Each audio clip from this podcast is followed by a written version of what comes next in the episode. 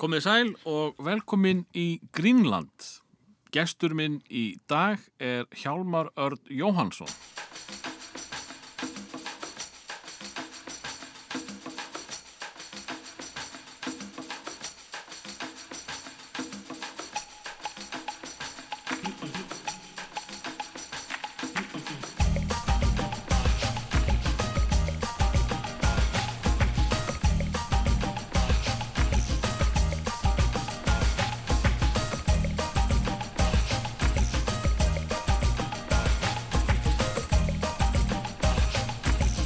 Vous dansez, mademoiselle Sacré prince, Velkomin Hjálmar. Já, takk hjallaði fyrir mig. Hvernig ertu í dag? Takk fyrir þáttinu. ég er heldur góður, ég er mjög góður. Já, Já, ég hef verið betri samt. þú, já, þú Ég er með byrjar- magakveisu, Ah, þannig að ég er svona, þú veist, ég þarf að halda smá, ég Mhm. er að kreppa. þú ert að kreppa. Já, en við vonum þetta gangi. En við höfum mögulegan á að íta pásu ef þú þetta. Það er möguleik, já. Skreppa frá. Já, já, já, takk.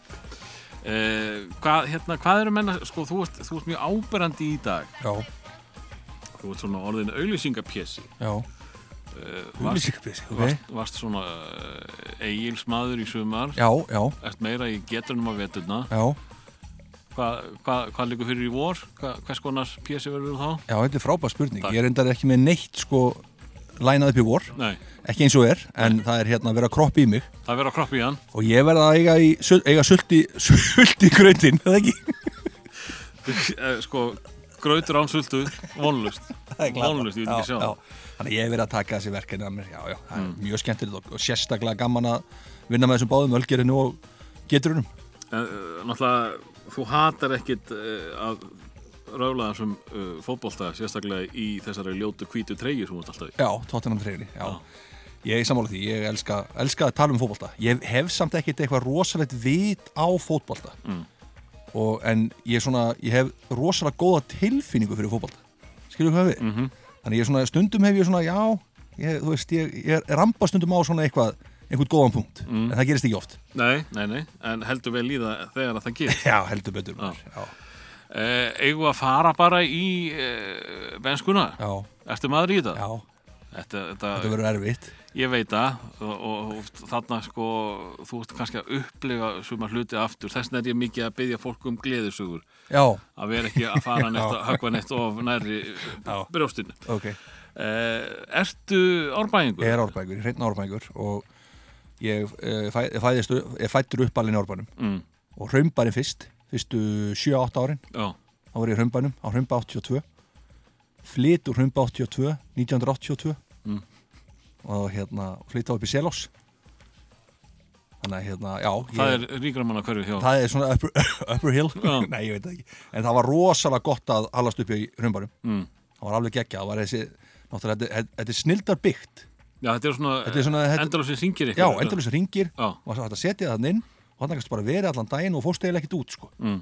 og það svona, það var gott fyrir kallins og mig og mjög gott sem vildi mikið vera að fara út og fara eitthvað annað en átt að var, fara var hægt að læsa það nynni? já, og svolítið þetta læsa mér inn og þá var sko, mamma sagði mig það og það var þá þannig að þá voru krakkanir í böndum og hún batt mig og svo var ég hérna í sangásunum og bundin við eitthvað svo fór hún bara upp og vaskaði upp eða eitthvað sko. Mm. svo var ég bara bundin niðri, sko. þannig var þetta bara í dag má ekki binda neitt, sko, það er allt vittlust Eh, Þú, þú varst að, þú varst þess að, að segja sannleikan Ég er að segja satt, þetta var svona Þetta var ekkert svona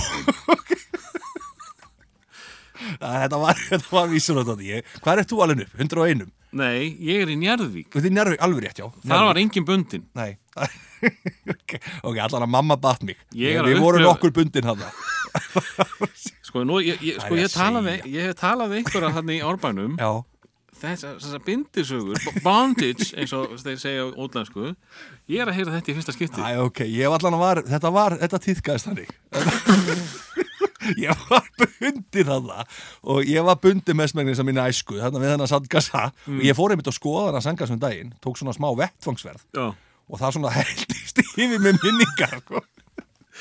en þetta var skemmtilegt já, já, En svona, svona sko bindimennska Já. á, á yngra árum já gefur þetta þér þá áhuga á, á BDSM á, á seinni? sinni árum, já, þá fer ég að þróa þetta mikið út í byrðis Nei, er, sko, herðu, förum ok, förum aðeins aftur yfir þetta Sko, Ok, málið er það, já. Mm. ástæðan fyrir því að hún bindu mig er svo að ég var alltaf út um allt Ég var gjössamlega, sko, stjórnlaus og hún setur mig þarna og bindur mig, mamma, frábær kona og búin að alveg fjögur börn og sem öll hérna sliði gegn Erst þú yngstur það? Nei, næstingstur Já, En síðan hérna, það sem gerist líka er að hún fer tveggjar og, tveir ég tveggjar og þá fyrir mamma og pappi fært til London í helgaferð og þá er sem sagt eh, kona frænda minns að passa mig og hún sé voru að passa hann rosalega vel, hann er rosalega hérna mikið læti í honum. Og uppátækja saman. Uppatækja saman. Já. Og hún er þarna í hraunbanum með mig og leiði mér að leiki í þessum sangasa en bindum mig ekki. Svo ákveði mamma, komin út á flug, nei, komin til London, ákveði að ringja náttúrulega, og það var ekki gemsar, ringi frá hótelun og ringir í heimasíman hennar og þá svarar enginn og svo hérna ringir hún aftur um kvöldi og þá kemur í ljós að þau eru allir på spítalinn sem ég hefði höfukupróta. halló? Já, þá hefði ég stíð upp á hana sangasa og dotti niður á honum, beint á hausin. Þannig Það nú er nú bara sérðu- hæfileiki. Já, en núna sérðu, þetta, er, þetta var þá, þá rétt hjá mömmu eftir allt saman. Þannig að þetta var svona, já, þetta var, þetta er svona, þetta er ekki mín fyrsta minning Nei. af, ég, ég man ekkit eftir þessu, en þetta er svona mín fyrsta svona hrakfalla saga. Mm. Og Og þetta hefur loðað við þig þetta síðan. er hefur það loðað við mig og Já. ég vil meina að þetta er ábyggilega eitthvað gert fyrir mann í hausnum, skilju. Ég, Mm. ég trú ekki öðru, sko, þetta var aðeins eitthvað. ekki? Fallið þá eða, eða, eða, Það er eða eitthvað Eh, gerst bindið? þarna, Doddi, sem við vitum ekki hvað er, Nei, sko. nei. Og svo það sem gerist í framhaldinu var svo að, hérna, ég náttúrulega var alveg snældu vittlust krakki. Þú veist, það var ekki beint, sko, ég var ekki vondur, ég var rosalega uppátækja saman eins og ég var að segja, sko. Mm. Og ég var þessi sem var að geta upp úr öskubakka. og það var verið að dæla upp úr mér. Og herðu, það er vest að við þetta allt saman, það gerist tvísvar. þetta er alltaf ekki. Þannig að brent barn sem Forðast forðast eld... ekki Nei, eldi. ok, það það forðast aldrei ekki öskubakka. Nei, ekki öskubakka, alveg hárið rétt, sko. Reyktur þú síðar á lífstæðinni? Aldrei, aldrei nokktum að reyna. Nei, þú fyrst nóð það. alveg, bara þegi nóg sko Og ég, ég finn alveg ennþá svona smá ég finn, þú veist, ef ég hugsa til þess þá get ég fundið þetta svona ösku bragð sko Ég get sko, ég get tengt við, sko, ég náttúrulega borðaði hérna endan á elspítum, hann er geggjaður. Það er bara svona salt brennisteinn einhver nákvæmlega, eh, og smá aska já, er ekki svo slæm. sko. nei, smá með já. En- en- en- við erum ekki að mæla með þessu samt í þessu Sko. Nei, podcasti nei, alls ekki, Nei. alls ekki. En, en sko, eh, varstu þá að- að vinna með stubba eða bara? Nei, þetta var þá, já, þetta var svona sem stubbar allt með og Mm. svo bara fór ég með höndun og ný, þetta er náttúrulega mér er sagt þetta sko, Mhm. og ég tróði þessu bara upp um mig og þú veist náttúrulega að dæla upp um mér og bara beint upp á sjúkur og svo dælt upp um mér sko. Þú náður að kingja þessu? Já, ég er bara átt þetta, bara með bestu list sko. Þetta var náttúrulega alveg svakarett sko. En þarna var náttúrulega reykt á svo hætti mann mamma að reykja og Mm. þú veist, þetta er alltaf reykum öðrum að kenna mér sko, sant? Já, ég held þú getur Ég verð ekki að taka sett þetta þetta á á mig, mömmuðina sko. Ha. Eh, og, og sko þetta fyrsta sjokk sem ég fekk eh, með, með bindingarnar Mm. ég er alveg fann að skilja það Já, núna þú sko. skilur það núna. já, já, já. þú nú ertu alveg ö- ö- ö- mamma er ánægð með mjög mömmu. vöndu, Já, vönduð kona Mjög vöndu kona, já. eh, ma- áttu það svona einhverja fyrstu minningu Já, sko, mín fyrsta minning ratar alltaf í leikskólan já, sem einhvern veginn ástæðum, ég bara man ekki alveg hvað hann heitir en þetta er hérna, sé Róaborg Mm. held sé Róaborg í, í árbænum, hrömbanum, hann að slass einhverstaðar hann í glæsibæða þar og þar er svona minningi mín er við erum að drekka kakó úr plastglösum það er svona mín minning já.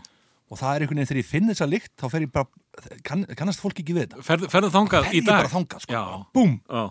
veit ekki alveg, ég næði ekki alveg festa maður en ég fer þangað sko ég, ég byrju, að því þú segir Já, hérna já. með, með kakóið já, ég, ég ríleita Mm. að vísu aðeins eldri minni fyrstu skíðaferð já, kannski 10-11 ára, ég maður ekki ok, fekk kaka frá ömmu já en ég braut hérna sem sagt uh, glerið inn í þetta var svona ga- eldgamlir brúsar já, já, já, já, ég reyndi samt að drekka þar já. Svona, Já, óh, já, það er rosaleg festa maður. ég fæ alltaf Já. þessa tilfinningu þegar ég finn kakóið Já, sko. en ok. það drekki ég ekki mikið kakóið Nei, kakó í dag Ég trúi því, sko. en, en eh, sko talandum sko þi- þið voru svolítið velvarin hérna, inn í þessum uh, blokkar ringjum Já, já, þannig að það var þarna svona smábandarleiksvæði já, já, uh, þarna vega voru satt og allir. vinnir þeirra voru allir þarna. öll blokkin þá Öll blokkin, það voru allir þarna. En var ekki þá úr næsta ring? Lítið. Nei, Það var aðalega þessi ringur. þangað til þið fóruð í, í skóla Já. þá, þá máttu þið sjá Þá hvað sem var maður fyrir að sjá utan hvað var fyrir utan, sko.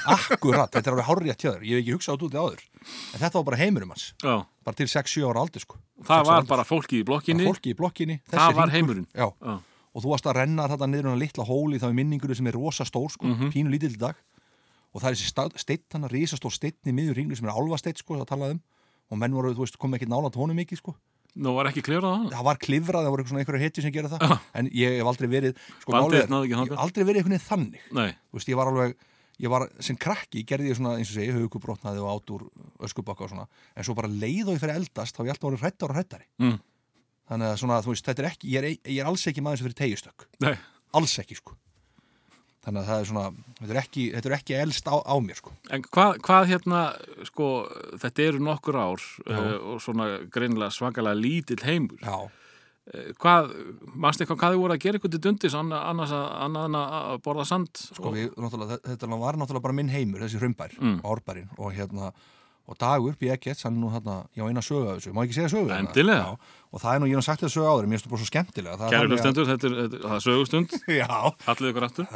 og, hér- og það er hérna við vorum, það kemur hann ungu maður sem er að flytja og hann er 16 ára gamall og flytja út á landi og hann er að flytja í hraumban og mjög algengt að fólk bjó í köllurunum í hraumban og svona lítil einsherbyggi og leiði Mm. sem komum út á landi og var í skóla eða eitthvað líka og leiði þarna í köllurunum í, í hraumbanum og ég og dagur um hann að leika okkur og hann spyr okkur stráka getið þið flutt þessa kassa fyrir mig hérna úr bílnum og hérna hjálpa mér að bera þetta og við erum bara 8, 8 ára gamlir eða eitthvað sko Já, Var dagur í þínum heimi?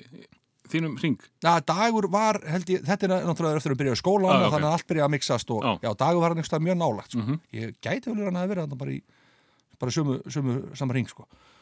og við erum að byrja að flytja þessa kassa þetta er bara litli kassar og eitthvað svona, þetta er ekkit mála hann bara svona, þú veist, það er örugglega að tengjast inn í hverfið eitthvað 16 og húlingu svona, þú veist, bara lefa okkur að hjálpa sér sko, mm. við veit hver þetta er í dag topp náingi, háttseturinn á Íslandsmáka og hérna, og við erum að flytja og hann segir stráka, ég fáið puls og kók fyrir þetta og já, bara geggjað maður og við flytjum hann að kassa og fyrir með þetta og svo eru búnir og svo þá er dagur að skjótast og hann borgar mér, lætum að hafa pening fyrir puls og kók fyrir okkur báða nema hvað, ég hérna fer í skalla sem er náttúrulega mín sjoppa og búin að vera bara núna síðan 1973 sennilega sko. og ég hleypin í skalla og í ykkur græðki þá kaupi ég tvær pulsur og tvær kók og klára það í ykkur paniki og svo kemur ég tilbaka og dagur hitti mig og, og þessi maður og hann segir hva, hver, er hérna, allar, hver er peningurinn eða hver er pulsunar og ég fatta það, þeir eru búin að fatta að ég hérna, sé búin að eða þessu, þannig að ég byrja að hlaupa og í þessu ring og þeir elda mig báðir og ég hleyp og hleyp og þeir, ég var mjög fljótur að hlaupa alveg rosala, en hann var alveg að ná mér þegar mamma kemur út á svalir þetta er bara svo ítalinskri svona bíómynd og hún kallar strákar,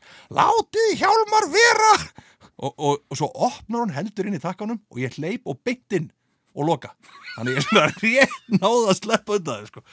Og Dagur, hann er borgarstjóri í dag og hinn maðurinn er háttsettur í Íslandsmaka. Skoðu því maður. Ha, þeir, hafa, þeir hafa gert það betur en ég. Já, það, sko, þarna, þetta segir okkur uh, crime doesn't pay. Crime doesn't pay. Alveg hárið. Þetta er frábær dæmi saman við það, sko. Uh, manst eitthvað eftir þér í leikskólanum, varstu, varstu erfið að það líka? Ég veit það ekki. Ég ætla mm. hana, þá vorum við hálfan daginn. Mm. Það var bara sko 9-12. Mamma sóttum bara 12. Og þá voru konur voru bara ekkert að vinna. Þú talir svo sér, fættur Ég, 1702. ég er 73. Þetta er hvað? 77 eða eitthvað? Já. Ég held að, ég held að fólk tengi og muni eftir þessu, sko. Ég er eldri en þú og ég var í, ég var á dagheimili allan daginn. var þetta bara einhver, hvað, hvurslags æska var þetta sem ég átti, þetta var einhver, eitthvað bröndsótur eftir hálfa dag og eitthvað. Mjög skrítið allt saman. Já, en allavega hérna, og þá voru bara hálfan dag, mamma kom bara og sótti mig og svo var bara setjumpartið og hann bara heima að gera eitthvað sko. Mm. En hérna, ég hafði bara mjög góða minningu á leikskólanum sko, mér finnst það, og ég reyndar eitt sem satt alltaf í mér, það var svo gröfur, Ég Já. veit ekki hvað- það var svo setið og verið með svona handgröfu og gra- verið að grafa. Barist um þær er það ekki. Já, barist um þær og í minningunni, þá komst ég ekki nógu oft að, mér Nei. svona situr í mér, ég haf aldrei einhvern veginn náða að klára það tíðanbíl sko. Ég, ég, ég tengi við þetta líka Já. og þess vegna fekk ég netta útrást þegar þær voru í bóði í hústyrkarinu. Já, ok, eru það ennþá það? Ég held það sko. Herðu, maður er eiginlega að fara þangað maður svona þóttist vera að sína krökkunum þetta, hvernig á að gera Já, einmiga. ég fekk miklu meir út úr þessu heldur nótt í þau sko. Já, Eh, en svo förum við í skólan já, og uh, erfiður hjammi Jú, jú. í bandi mm fær vantilega ekki að vera í bandi í skólan Nei. hann þarf að, fara- þarf að fara að haga sér já hvernig, hvernig gekk það? Sko, það er eiginlega bara lýsið mér ágætlega að ég var sko ég var hérna, ég var erfur og óþólandi en ég var ekki hérna, Mhm. Ekki vondur? Nei, Nei. ég var ekki vondur en ég var erfur og óþólandi og það var svona, ég talaði og talaði og talaði sko.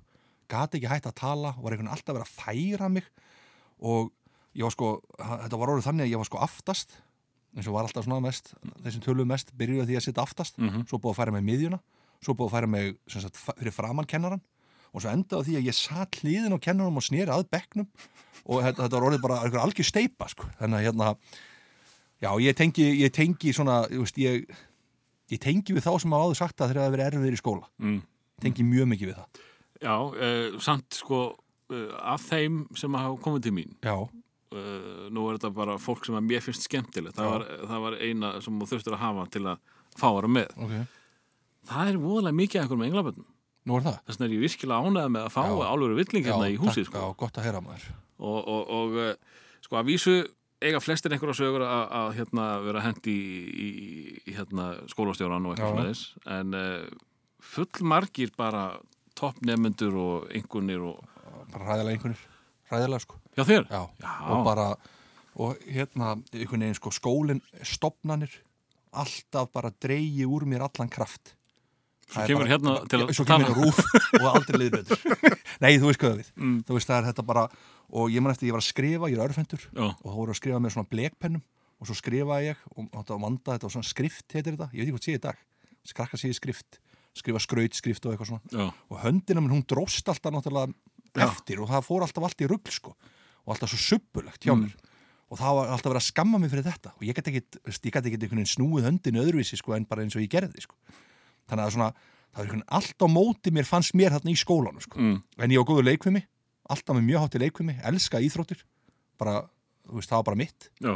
en allt svona þú veist, allt starffræði hræðileg, hræðilegu starffræði elskaði sögu samt Já. og kristinfræði, það er mitt kristinfræði, það var bara 9-10 Já. og bara allt 3-4 í hinnu, 9-10 kristinfræði Þú eru nú aðeins að að reyna að útskýra það ég held þetta sé bara minn áhugi bara á sko, Andlegu já, málendum ég held það, sveið mig þá ég hef alltaf verið svona, það hef alltaf verið andlegt í mér Ertu trúaður í dag? nei, ég er ekki, ég sko ég, er, ég, ég trú aðri mátt Mm. en svona, þú veist, það sé eitthvað æðra en við þarna úti sko. Þú fer ekki með faða voru á hverju kvöldi nei, Nei. en ég myndi ekkit vera eitthvað á mótið sko. Nei, og hérna, og ég trúiði líka sko að ég trúi líka svolítið á svona bara universal, bara he- að alheimurinn, þú sért bara góður og þá kemur gott til þín, sko. mm. Mm. Og hérna, og þa- það sé enga tilvinnin að ég sé að hitta fólk. einmitt Ég er svona einhvern veginn, einhvern veginn bara sem dæmið, ég hitti þig fyrst, sko, Já. að það er svona, já, mér finnst að við höfum alltaf átt að hittast.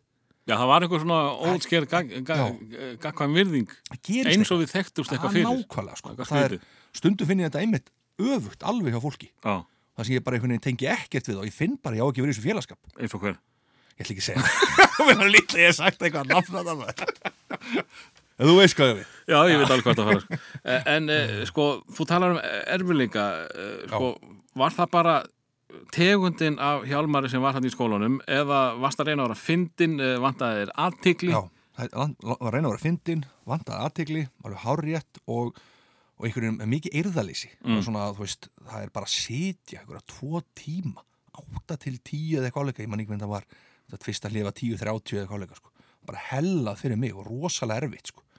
Áttu þá erfitt með að einbetta þér að einbyrðum að náminu fókusun á svona lengi sko. ég mm. með ADHD en ég, ætla, all, ég skýtli alltaf inn og ég segja að ég er ekki með ADHD sem er á sko, ég er með mikið ADHD en ég er ekki með ADHD sem er á sko uh, vandræða stíi sko. ég hef alveg séð ADHD bara hræðilega erfið ADHD sko. mm. fólk segir oft ég sé með ADHD helst ég búin að segja það oft núna en skilur höfið, Já. en svo er ég ekkit, ég er ekki með þetta sko ultra, ég er með mjög mikið ADHD en ekki þetta ultra Nei, þannig að respekt til þeirra sem eru með það sko. ég, ég er umlega unni með svoleiðis krökkum sko. Já. og það er allt, allt, allt Hefur, annað. hefur, hefur þú farið á okkur lif út af þessu? aldrei Ég er nefnilega þekki menn á mínum aldri já, sem að eh, já ættu ekki róði þig held ég í þínu ADHD nei, þeir hafa lifjað svo upp og, og orðið bara miklu betri menn sko. já þannig að þú, þú skalt ekki hérna útloka Já. ytturlöfin, elsku kallum þau geta oft hjálpað okkur já, Eh, En hérna, þú talar um eh, sportið Mhm. og að það hafi svolítið verið þinn vettangur.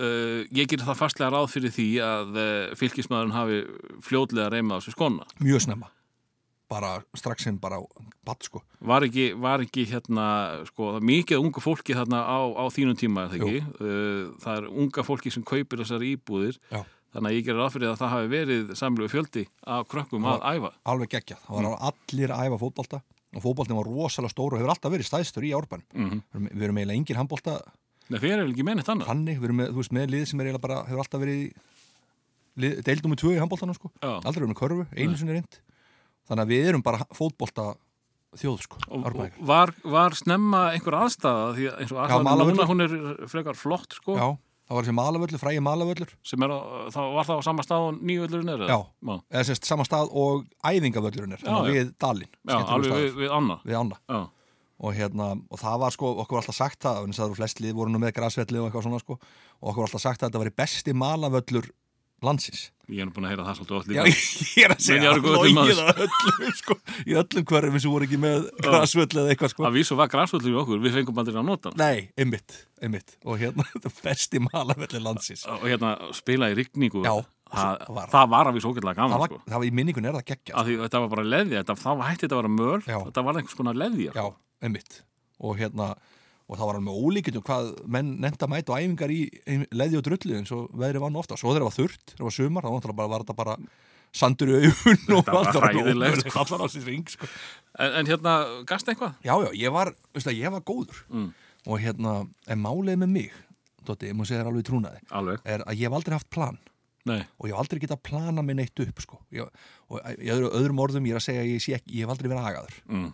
aldrei einhvern veginn náða að aga mig og þú veist þannig að ég var svolítið bara svona ég hef alltaf gert það, bara gert hlutina ekkert endilega svo mikið spáði í sko já, þú veist, þetta væri sniðut að gera til að gerast þetta, þetta myndi síðan gerast, eitthvað svolítið sko já.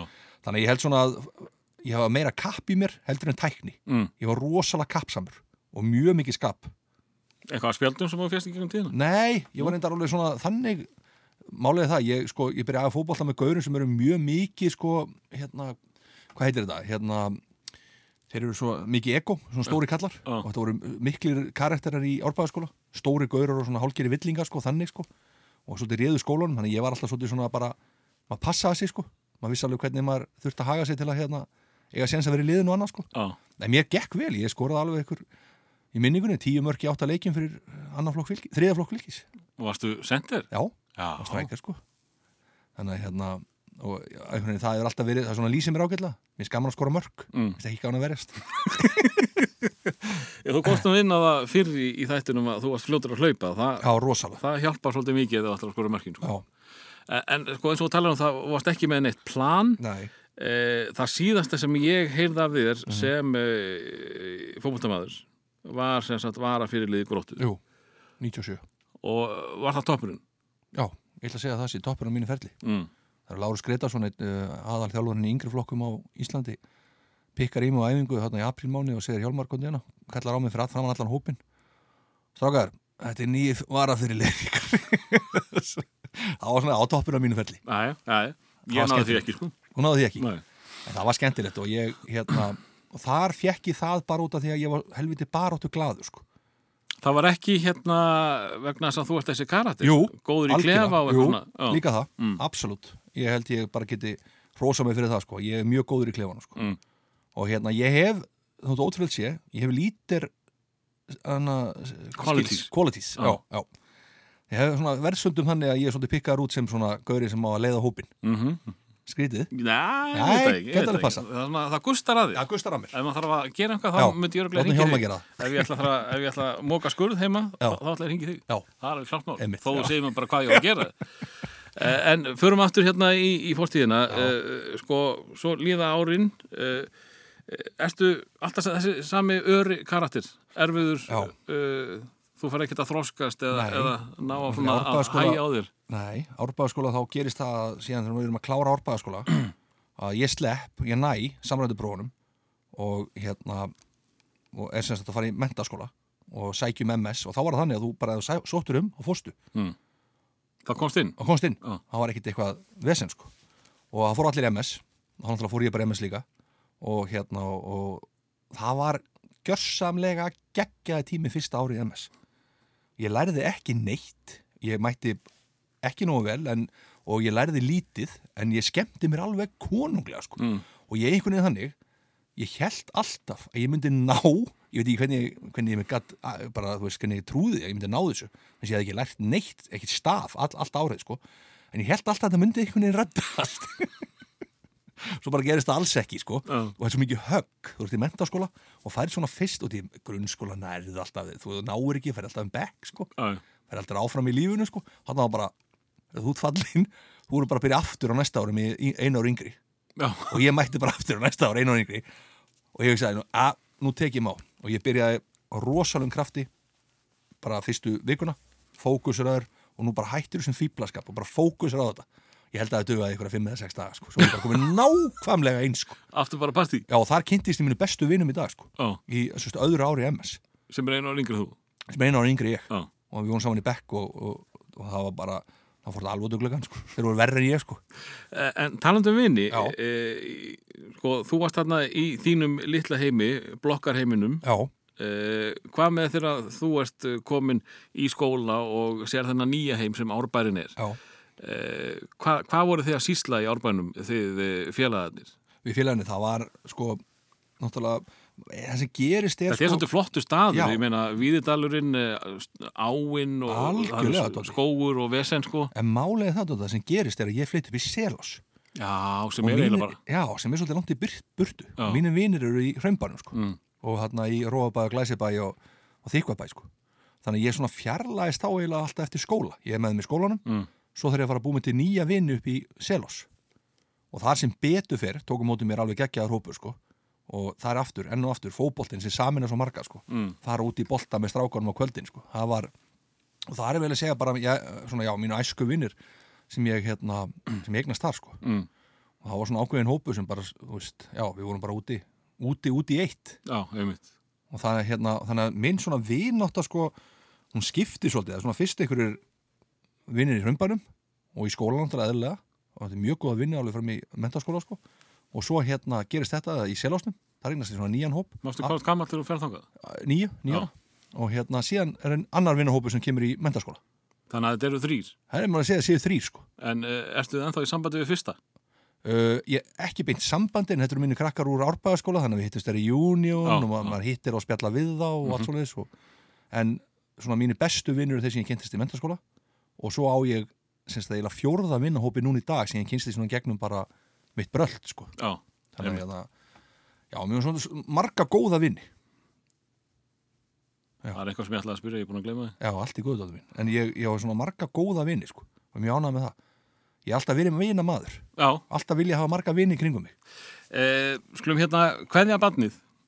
já, ok. Litla fallega rauðara badnið já sem er e, ofsalega fljótur að hlaupa. mm -hmm. E, Matrósafötum, ég var í matrósafötum Mikið veist það, ég elska mömmu þín. Já, E, þá ætlum við að heyra lag sem að minniði kannski svolítið á badnæskuna. já, Hvað hva eru að vinna með þar? Kannski árum við fölum þangað. Já. E, þú talar um að sért e, einn yngsti, hvað voruð þið mörgi heimili?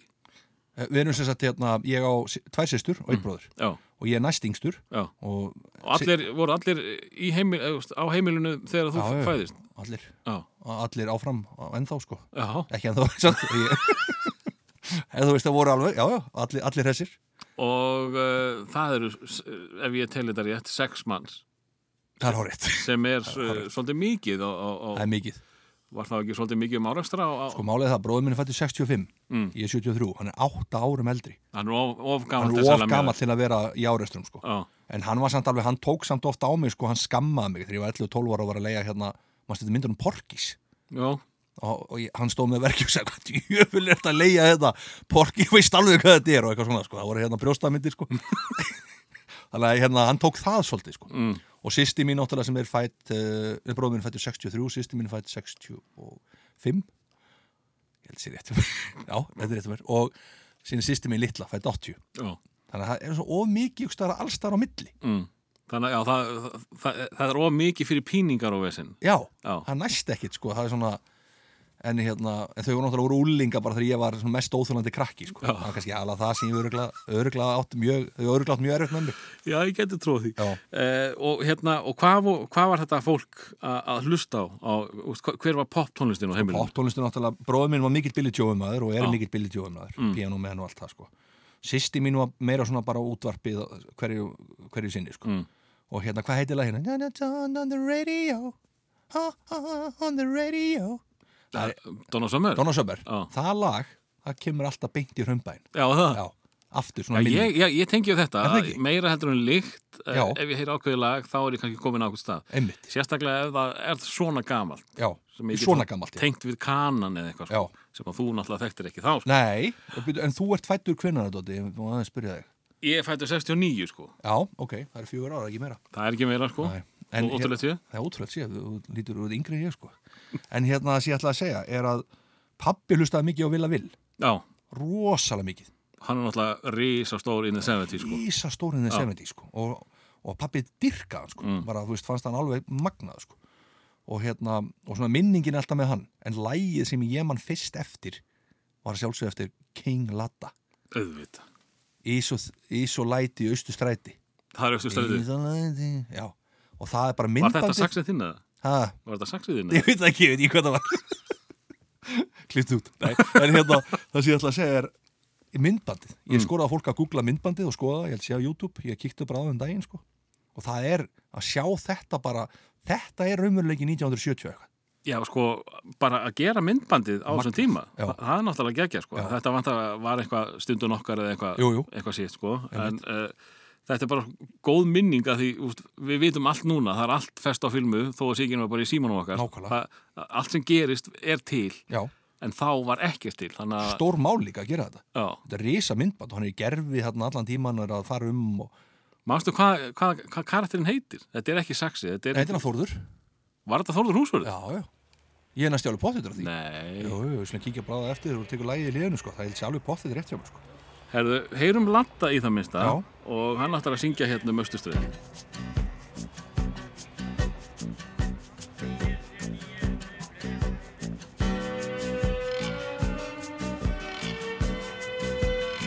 Ég inn í austurstræti snara slétt og strega skónum með brosófur og tyggi gúmi í munninum Ég lappa um og horfa á liðið sefið þar í hópum frá lasarónum upp í snoppaða kettlingar Östustræti, ís og læti, fólk á hlaupum í yngaupum, fólk að dala, fólk í dvala og fólk sem ríki þarf að ala. Þar standa bákandir í röðum landsbúnaðar útvegs og fyrir hundastendur hóraður almúginn er fyrir hund að sitja feitir peningar að verðir og passa óti kalli kom ekki og taki þá Östustræti, ís og læti, fólk á hlaupum í yngaupum, fólk að dala, fólk í dvala og fólk sem ríki þarf að ala.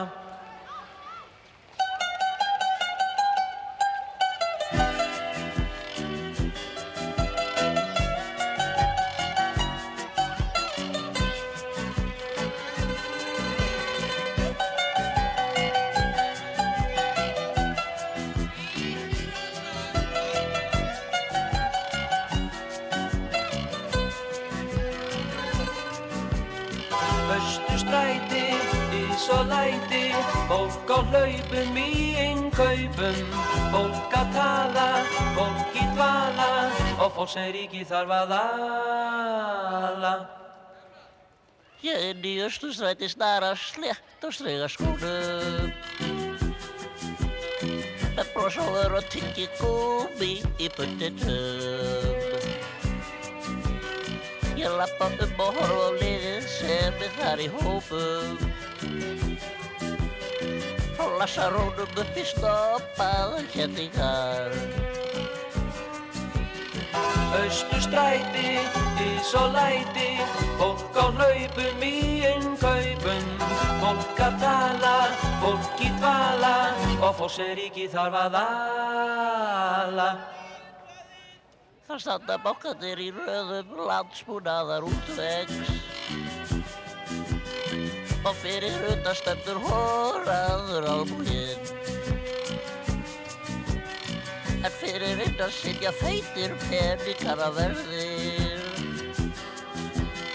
og passa á að þið kanni kom ekki og taki þá og já, já, já og seg, seg, seg og það held ég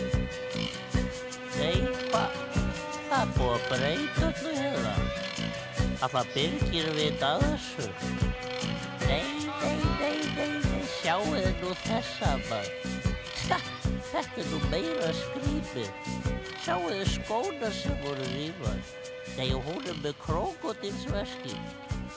Þú, hann Jón á völlum ætti nú að ráða þessa til því. Ah, nú var ég gott að fá sér smá tár. Ég, þetta var sem sagt eh, Latti, austustræti, barnarskóla í þannig eh, Hjálmars. Ég ætla ekki að gefa þér alveg þetta sé, Þorður, Þórðurinn sko. Nei, myndbandið sýnir annað en við erum saman að það þegar hún hlusta á þetta að röddin er ekki alveg svo sama held ég og Nei, Hann notaði. þannig er hann þessi. Já. Já, en eh, þegar hann er sem sagt eins og Út með jólaköttin, Já. brindin, hann er eitthvað þessi góð sko. þú þarf til að fá latta henn og spurinn að þessu Latti er nefnilega á stefnuskáni, Ok. en hann er svolítið erfiður. Já, Kemur í ljós hvort hann komi. en dýr Hann er rosalega dýr. Þú kostar ekki neitt.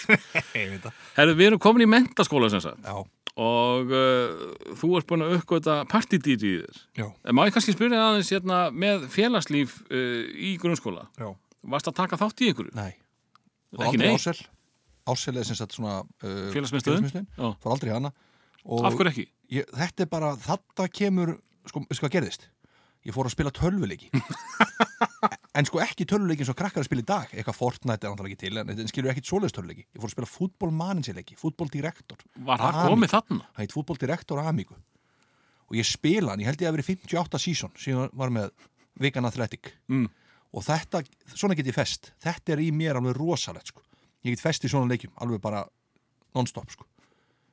og þetta, ég vil meina að þetta hafi svolítið slátra mínum svona félags í grunnskóla, félagsstarfi í grunnskóla Það var fútbolmanager. fútboldirektor, Já, en hvað hétt fútbolmanager áðan og það hétt? en svo Champions Manager Já, CM alveg. já, Já, svo kemur fútbolmanager já. ég spila alla þessa leiki og ég elska það já ég- ég, það, það hérna opnaði þetta eitthvað, eitthvað dyrs fyrir mér þegar ég komst að þessu sko. Já. Ég átti ekki tölvu fyrir en ég var bara hund gammal sko, en ég sá eitthvað spila þetta. já, Því líkt hvað maður gæti leikið yfir þessu. ég, og, eh, En en, þú veist, þessi, þessi típa sem að þú ert að spila þá, þú veist, 80s eða eitthvað þetta er 88 eða Og eitthvað þú veist, sko. Já. Hvað var gagnangunum? Fjóri leikmenni eða eitthvað? og- en þá voru nöfnin ekki rétt Það var bara einhvað, það já. var bara, eitthvað bara Carl Robinson var minn aðal strækja sko, ég gleyma honum aldrei sko og hann spilaði eitthvað 50 eitthvað season hjá mér sko það var ekkit svoleiðis akkurat sko Nei. Þú veist, þannig að þetta var en þetta ég bara gjössanlega gatt fest mér þessu og það sem gerist líka að koma hann verkfall Mm. Já. lengsta skólaverkfall sem við verið og ég, sný, ég bara snýri gjössanlega svoluninu við á nokkru mánuðum sko og bara spila og spila og spila þennan leik sko ég bara elska hann Nú þarf ég aðeins að spyrja út í mömmu áttur Já. Hún, hún leiði þetta bara? Nei, mamma leiði þetta ekki og mamma og pappi eru bara, þú veist, þau eru gjössalega frábæri, þú veist, settu bara góða reglur og allt svona, sko. Og, en það er erfitt að koma í veg fyrir þetta, veist alveg hvernig þetta er, út 14-15 ára gamlan úling, Mm. veist, maður bara kveikir á tölvunni á nóttunni, sko. Einmitt. Þú veist, Því getur hún sofnað já, eða eitthvað, já. já. Það er Bíður enginn að eftir að tékka á því, hinn sofni. Já, þetta er, þetta var svona mín, já, þetta, þannig að ég var ekki mikið í félagsstarfinu.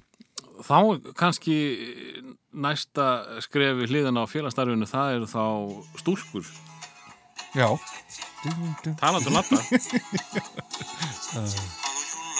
Takk að fram, þetta er ekki síðan minn. Nei, þetta er minn sími sko Einu skipti sem einhver syngir í þessum þáttu þá var það minn sími Nú, uh, við erum að tala Já, stúlkur Já, uh, þær hafa vantilega ekki heldur fengið að kynnast Hjálmari vegna þess að hann var fastur í, í fótballtali. fastur í fótballtaleik, engan áhuga þannig séð á stelpum fyrir en ég bara komið sko. mentaskóla.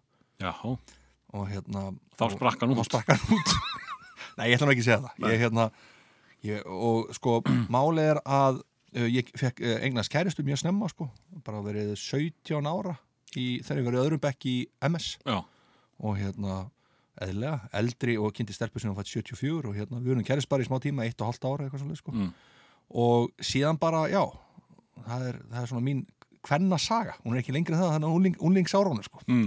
þá er hún ekki meira en það en eh, sko, þú hefur vantilega lagt þér að tölvuleika eitthvað aðstil hliðar Jú, jú. þegar að hérna, þú aukveitar gleðina í kringum uh, framhaldsskólan Jú, jú og uh, var strákurinn eitthvað farin að hella í sig og hafa gaman eða? Já, seint. Ég byrjaði þarna árið sem að við, að seint var það náttúrulega miðað við krakkana á þessum tíma. Og allir byrjaði að drekka 13-14 ára. Fermingaraldurinn var Fermingaraldur. Já. Ég byrjaði ekki fyrir en sko 16 ára, 89 bara, þú veist, rétt fyrir mentaskóla. Sæll bróður. Já, ert þú líka? Já, já. já. Þú veist, ég bara, það var einhvern veginn ekkit, að ég hafði nóana að gera en að standa í þessu, sko.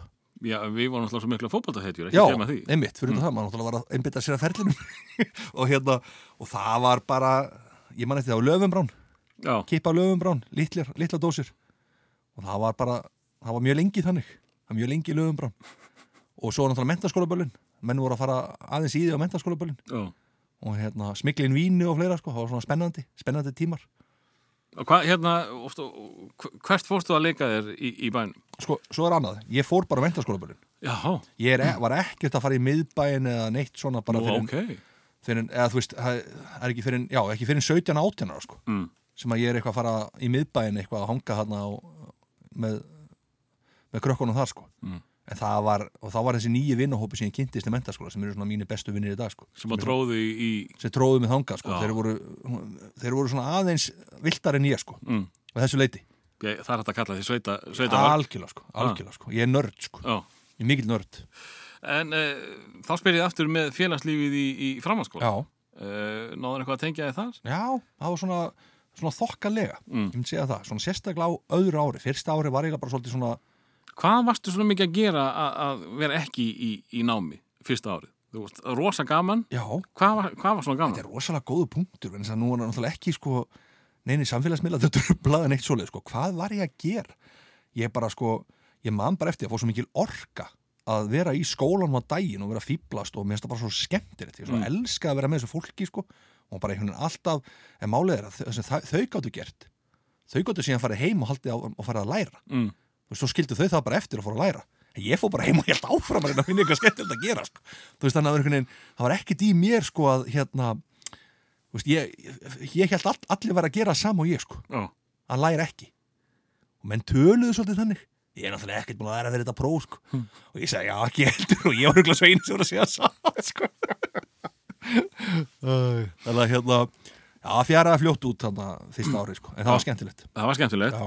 Eh, svo tekur aðeins á því í fyrstu vikuna Já. Mhm. á, á, á öðru ári. Mm -hmm. Fættir þú það aftur eða? já, fell aftur Og hvað gerir þú þá? og þá er það svolítið svona fellur tvísvar það er svolítið stimpill sko. Mm. það er, þá, þá heyrðu, ok, nú prófa ég nýtt og fyrir ég FB, hugsa ég fjölbreytakerfi, það er auðvitað betra svo mónt fyrir mig að vera í bekk Mm. og svo margir og annað og það er auðvitað verið bara minn vesti tími það, er, það var alveg ræðilegt sko. og það var hérna, þá var einhvern veginn bara einn eitthvað ráfandi um aldrei með sömu krökkunum og ég var orðin miklu eldri fannst mér sko, Mm. þú veist, ég var með einhvern 16 ára gölum og ég var 18 ára gammal, þú veist, það var rosalegu munur á 16 og 18 Nákvæmlega. á þessum árum sérstaklega þannig að ég það bara fjaraði bara strax út sko. og þá fór ég bara að vinna Þá fórst að vinna. Já. Og hvað, hvað færðu þá að gera? þá fór ég bara að þrýfa bíla hjá pappa gamla hann er með, hérna, hann er með fyrirtæki Mm.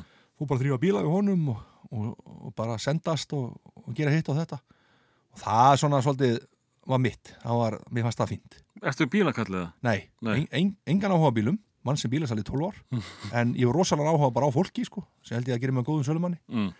en hérna ég er rosalega gaman bara að því að vera þú veist að vinna og fá útborgað og einhvern veginn geta gert allt sem ég langaði til að gera sko.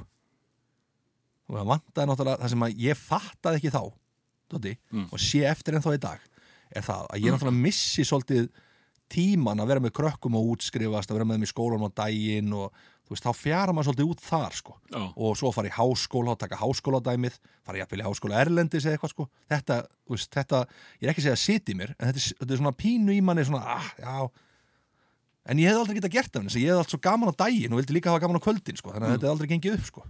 Þarna þegar þú ert fann að vinna þá getur þú verið að fýblast á daginn og, og uh, það Já. er ekkert sem stoppað á kvöldin heldur. nákvæmlega, nákvæmlega Og, og hérna, úst, þessi tími e, þá vantarlega þarftu að fara að mynda þér nýjan vinskap. já. það eru þessi myndaskóla strákar sem eru þarna og þeir Já, eru að þú fjara út þurftir ekki að Nei. hverja þá. nei, þeir nefnilega eru að fjara út líka svolítið í skólanum sko. Já, ok. Er er að detta út svona annars lægi og við erum að vinna saman þetta eitthvað mikið. tossa gengi hann? Þetta er smá tossagengi, Já. en í dag Mm. allir í toppmálum, Arnar Eki Tórótsen þú þekkir hann nú, Takk ég hann. ha? hann er á frábæru staði í dag Mm. Magnús vinnu minn er bara með fullta búðum hérna í bænum og annað sko Mummi, svo ég telja nú var nokkur nöfn sko, tannlæknir Já, Ágúst, þú veist, frá, frábæru málum Bjössi flugmaður, þú veist, þetta er svona þú veist, þetta er einhvern veginn bara já, þeir, þeir náðu allir langt sko getur þá sagt mér aðeins sko að því ég hef heist eina sögu sem að ég ætla að hérna spyrja það nána sem Já. á eftir Já. en svona eh, hvað voruð þið að gera á þessum árum? Úst, hva, hvernig letuð þið tíman líða e, þá fyrir utan vinnutíma úst, e, þú ert e, gamall uppáttækja e, samari Mhm.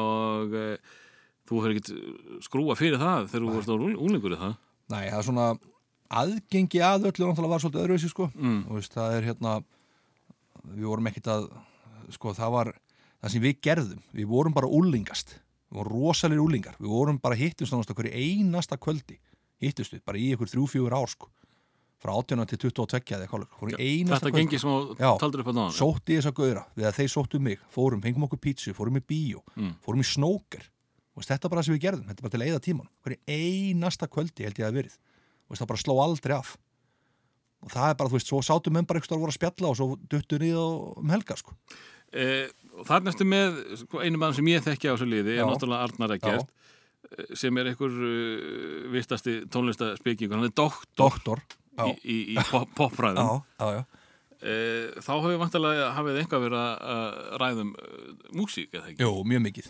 og Arnar ekkert, sko, var minn gúru Já, og ég hringdi bara í hann, fór bara í blödubúð, hringdi í hann og sagði Arna, ég sé hennar nokkra hljónsettir hvað það sá ég að kaupa og hann sagði mér það bara, og ég bara kifti það og ég hlustaði á það og ég trúði honum bara og treysti því. þannig ég var strax búin að fatta það að hann væri Dr. Music er hann hérna úst, og var hann að hitt í mark? Já. og hann bara kynnti mig fyrir bara fullt af hljómsveitum sem ég náttúrulega bara hlusta ennþá, ég er fastur í tónlist ég hef aldrei uppgreitað mig síðan bara þessu tíðanbili í tónlist Mm. Þú Ég ert bara ekki fastur. með nýju plötur með flóna? Nei, Nei. ég er bara fast, ég hlusta reyndar að herra nötismjör sko, ég Já. veit ekki henni það alveg, algjörlega Góbo! Já, það er geggjaður En hérna, ég er bara fastur þarna sko. Ég er fastur í Smiths, ég er fastur í Joy Division og Suicide og eitthvað svona Og eldgömlu bossist þunglind allt Já, saman? allt svona þunglindi, ég er rosa þungur í tónlist Já. Já, já, Það er þannig sko Það er svo mikið henni kallið mig Og hvað hérna, og þú skellir bara eh, laufléttu Jötuvísum lægi á þegar þú ætlar að fara og gera þig glaðan dag? Já, það er bara, það er, hérna, það er svolítið mitt cup of tea sko Mér finnst geggjað að hlusta á bara þunga tónlist og vera svolítið í dramakasti bara svona að hlusta bara á Smiths eða eitthvað Mm. og sérstaklega í veðri eins og er núna náttúrulega, þú veist, rigning og dimmt úti jafnvel og það er það er ekkit betur en að setja Joy Division á sko. Eh, Þá ætla ég að hérna, spyrja þig út í eh, eitt ákveðu sumar. Já, Ég held þessi 1992, mm, það sem að þú já, Arnar og held ég eitt til viðbótar mm, uh, fóruð í, í uh, sumarvinnu Mm. mhm, erlendis eh, já, þar sem að þið voru sem sagt, uh, að vinna á einhverju hóteli í Veils passar segðu mér fyrir það fyrsta hvernig í fjandanum kom þetta til og svo það hlýtur eitthvað að hafa gerst sem að hefur ekki komið neitt rosalega mikið upp á yfirborðið Sko, þetta kom þannig til að okkur langaði rosa, 93, okkur langaði rosalega mikið til að fara að vinna á- úti, erlendis Mm. og við skrifum Þannig er þið hvað, tvítugir? Já, Twitter, og, og skrifum 300 bref Sest, bara til 300 hérna hótela í allt Breitland Já, planið var að fara á hótel í Bretland hótel í Breitlandi var það sem okkur Mm. langaði til að gera við elskuðum allir England, miklir Englandsmenn ég Arnar ekkert og, og Arnar Mm. og hérna og, og hérna, og við fórum og, sérst, og fengum eitt rétt svar eða sérst eitt, eitt já Mm. og hérna Ólafur Arnar heitir hann og Ólafur Arnar Jónsson og hérna, og fengum eitt já af þessum 300 brefum og það var hótel í Norður Veils í Moldi Norður Veils Heiti staðurinn Mold holdstaðurinn og hérna og við fórum þangað, mættum og það var alveg færðalega að fara þangað sko og hérna og þetta er bara einhver allra skemmtilegst tími sem ég hef bara átt sko þetta var alveg meiri áttar að vera hann heilt sumar að vinna á þessu sveita hóteli í Vels og við náttúrulega komað inn með íslensku sko hérna svona neyslu hyggjuna sko við komum hann inn bara þú veist og við fengum 50 pund á viku 10 pund á dag Já. 50 pund á viku fengur sem var ekki neitt penningu þá einsinni ég held að það var 100 krónur pundi á 500 skall Mm.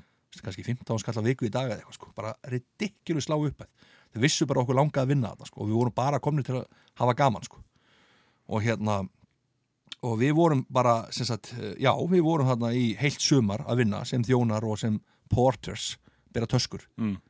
og það var bara styrla uh, Mold já Ég hef aldrei hérst á þetta minnst. nei E, þið vantarlega sáu fyrir ykkur að þið voru að fara til Lunduna eða eitthvað, jú jú eitthvað, eitthvað svona sexy. já Hvað, hvað er hann í kring? það Hvað, er ekkert þetta er bara að- mest í sveita staður sem þú getur fundið sko.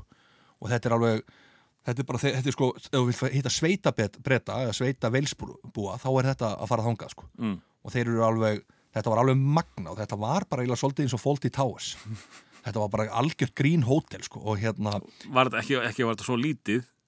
mm, það var ekkert stórt heldur Nei. þetta var svona bara meðar stærðu ykkur sko og, svona, og þetta var The Beaufort Palace hérna. og engin palace, það var ekkert palace og hérna, og hótelstjórnum var gjörsamlega brjálaður í skapinu hann var bara trilltur og hérna mátti engin yrða á hann og hann, einhver ástæðan, þá kom alltaf mótnana og var að gera hérna, var að rista brauðið á mótnana, það var eina sem hann gerði sem sagt, svona, til að bara sína að hann væri sko worker mm. meðal fólksins og þeim fannst það svo geggjað breytunum, hann skildi koma og rista brauðið á mótnana fannst það alveg, he, og hann sögði alltaf he works with us, he works with us þeim fannst það geggjað sko og maður vanu því bara hérna á Íslandi að bara fórstjón og bara gólfinu, að skúra gólfinu og annað sko, þú veist, Já, já. það, var, það var ekkit svona stjættaskipting eins og þarna sko og svo, og svo svitna hann svo svakalega og hann var alltaf orðin brjálar í skapinu áður en hann gætt klárað að rista þessi helvitis bröð sko. þannig að hann var alltaf orðin vittlust í eldhúsinu á mótnana sko. allir orðin þvílíku stressaði sko. og heit Mr. Hunter, En samt var fólk ánátt með að hann kæmi elskaða en skítrættu hann skítrætt við hann Og vildu losna- já. já. vildu losna við hann sko. Þú veist, þannig að þetta var alveg rosalega sérstætt og svo var þarna Mr. Parks sem var svona hérna, hann var yfir þjóttin hann og var semst nummer tvö og hann var rosalega óþægileg típa ofbóðslega óþægilegu gaur maður, maður fann það bara, eins og við vorum að tala um aðan hvernig við finnum hvernig við Mhm. mm -hmm. connect maður fann það hvernig maður tengdist honum enga veginn sko. Já. hann var bara rosalega óþægilegur svo voru búin að vera hann í mánuði eitthvað sko, og þá var hann látin gossa, færður á annað hótel og kom eitthvað upp sem Ok. við fengum aldrei útskýringa á sko en það kom eitthvað upp sem að var eitthvað brota á einhverju síðareglum sko Mm. þannig að hann var bara færður á annað hótel En, en þannig eru þið, þrýr íslendingar Já. uh, ætlið að upplifa ykkar besta sumar ever Já. uh, úst, Náðuð þið eitthvað mikið að, úst, að gera ykkur glæðan dag úst, uh, Þurftuð þið ekki mikið að vera bara alltaf vinnandi eða? Jú, við unnum 14 tíma á dag Mm. 5-6 dagar vikunar og þeir náttúrulega leta okkur vinna alveg eins og brjálæðingar sko því við vorum náttúrulega á lægstu laununum unnum langt best, fljótir að komast inn í allt og, og bara, þú veist, okkur fannst gaman að vinna þarna sko og svo voru hérna, það sem gerðist líka var mjög skemmtilegt þannig sé, það var eitt strákur sem var sendur af fjölskyldur sinni frá Fraklandi, hétt Kristoff og við köllum hann Crazy Kristoff mm. og hann var 24 eða 5 ára gamall og hann er sendur til Breitlands að vinna á hótel einhver ástæðum, ég veit ekki okkur hann er sendur þangað í norðu veils og hérna við tókum hann svolítið að okkur það var svona strákur sem að aldrei nokkuð til hann unnið mm. hann greinlega var ágætlega svona ríkum fjölskyldu sko, þannig aldrei, aldrei unnið við erum allir búin að vinna bara síðan, þú veist, Íslendingar vinna síðan 12-13 ára eða eitthvað sko og hérna, og hann var að mæta allt og setna mótnana og hann mætti einu svona hvítum jakka og semst í þjónadarfið, og ég held að það var yfir þjónin sko. og það talaði ekki stakt orði í ennsku og hérna svo bara og svo fórum við eins og til hans hérna í, í hérna, heimsókn, herbyggjans það má ekki segja frá öllu hérna Jú, jú. mættum hann innan til herbyggji til hans og hann var þarna með svona gleru, svona lítill krullóttur og 25 ára gamall en samt alveg eins og hann væri bara 11 ára sko. mm. og hann var þarna, sat hann á rúmstólni og við vorum eitthvað, settist hjá hann og spjallaði við hann og svona, svo tekur svona Arnar ekkert blað sem er svona keis eitthvað svona bæklingur Já, hérna, sem sagt, mannst þetta er sem hérna vöru, þetta er svona, keisir kosturinn já, keisi kosturinn og fullt af svona fötum mann, sko, sko, en aftast er alltaf nærfætt að dæmið, og svo tefur Arnar ekkert, og Arnar ekkert fyrir náttúrulega fyrst beint í aftast, eins og hann er, nei, ég segis og hérna, og það bara það var allt klístrað og við öskrum og hlátur ég bara, Kristof, what is this? og þá sagði hann, þá sagði hann þessa gullnu setningu it was an accident Þannig að hann hafði aðeins verið aðeins og spenntur að sko hann að bækling og það var náttúrulega menn ekkert að komast í neitt annað en bara bækling sko. Nei, það, það var ekkert eh, aðgengi var minna af, af, Por- Porn, Pornhub já. Já. Eh, en, en sko náðu þið ekki að fara neitt Eh, úst, að því þú talar um þetta sé hjari veraldar Já. hana ekkert nálagt, úst, ekkert Swansea eða Cardiff eða eitt Arnar ekkert náttúrulega er þannig að hann fer og ferðast Já. hann fór og kíkti þarna í Hlandignú Hlandignu Hlandignú sem er eitthvað rosalegt þarna eitthvað bær sem er svona merkilegu sko Hmm. mm. og hérna, ég hef ekki haft þess að þörf að skoða mikið hluti Hmm. mér finnst bara gaman það sem ég er og mér finnst það bara nóg og mér, finnst allt, mér, mér, mér leiðist allt vesen Doddi. Hmm. ég, geta, ég hef aldrei getið að vera á skýðum mér finnst það bara að vera vesen burðast með þessi skýða er kalt og þetta ykkur þungum skóm það taka með þér næsti, ég bara skilir þetta ekki Og Þú nennir að ferðast, ég sé það ég nenn að ferðast Ég ef nenni það- því ekki fyrir mitt nýtla líf sko, Já, ég nenn að ferðast ef það er kósi Þú myndir alveg, fer- ég við erum góður að ferðast saman sko. í ykkur kósi Já, ef, að- ef það er bara sko, þú veist, fyrst að fara í mig og, og- og Já. einhver, einhver heldur á töskona fyrir mig sko. En hérna, hann fór þangað og ég fór aftur á móti til ég ger eina ferð, ég fór til Bangor þú kannast nú aðeins það, ringir um einhverju bjöllum Já, Bangor ég, Eh. já, ég þekki, ég þekki það orð Já, og ástæðan fyrir ég fór á Bangor var að Ía var að spila mútið Bangor í Európkjörni Já, og ég tók lestina með þeirrum breyta, fór þangað upp yttir og við mættum og ég var mjög spenntur að sjá Ía spila og Ía var rosalegu klúppur þá sko mm. þetta er 93, þú veist, Já. þeir eru bara ég heldur að slegja út fæin úr þarna árið á undan eða eitthvað já, og við mætum hana og það voru eftir, ég maður ekki og hérna, og ég gleymi því aldrei, ég kemur sem brettinn og við opnum bar í Bangor sem er bara í norður, norður veil sko, sem er bara hardcore lið sko, það er enginn að gefa afslátt þar hmm. og við opnum barinn og ég er að tala við hann eitthvað svona og þá bara grýpur hann um munnum hennar og því að barinn er fullur af Bangor stuðnismönnum, gjössamlega tróðinn og þeir eru allir í svona bláum treyfist og Bangor Army is back in Europe og við bara, hans, við fórum á barinn og hann sagði, you don't say a word here og svo bara kipta okkur eitt bjór drukkum hann og út þetta var sko bara, maður sá það bara að þessir gaurar voru ekki að fara að taka neinu gríni sko, eða spjalli, eða léttu spjalli sko Tóma var að koma frá fiskiþorpinu á Íslandi sko já, nákvæmlega hérna- En, en eh, sko eh, verandi þarna heilt sumar og ég veit að eh, þið eittu drúum tíma í að horfa á hvað tveggja tómu sjónvarp Já, MTV, Já. all, allan sólarengin allar svona ekki eh, úst, eh, partí með elskum konum Við var, partið með elskum konum reyndum það svolítið sko og þær voru náttúrulega voru mjög spennta fyrir Íslendingnum er það? Já, það var svona, við vorum svolítið óséðir hérna, eða sem sagt að við vorum hvað, hvað maður segja, maður svona við vorum dementar, dementar þarna, Já. miklu dementar og hérna, Óslýpaða kannski? óslýpaðir dementar kannski mínu upplifun, já það er ekki verið að sé- það hafi verið þannig, en hérna og við vorum sko, við vorum latir mm. og þetta var unnum mikið kannski ekki latir, við vorum unnum mikið og við borgum eh, sem sagt herbyggjisternunum tíu krónur, tíu cent á, eða pens á hérna skýrtu að strauja þér Mm. svo lágum við og horfum á hjáum í fótballtamenn annars og hérna MTV og þær stóðu, tvær samans ykkur megin og voru að strauja skýrtuna fyrir okkur og þetta var, eiginlega, í- þetta var ekki þannig að við vorum að borga en þetta var eiginlega bara svolítið skemmtilegt það voru bara að spjalla við okkur, bara svona ástæði fyrir að vera hanga með okkur, ég Já. held við höfum verið alveg mjög skemmtilegi sko.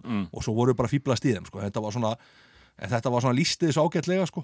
Að Við vorum hérna, þú veist, og því við höfum alltaf verið strauðum skýrtum og enginn af okkur kunni að var góður að strauja sko. Þannig að alls ekki ég.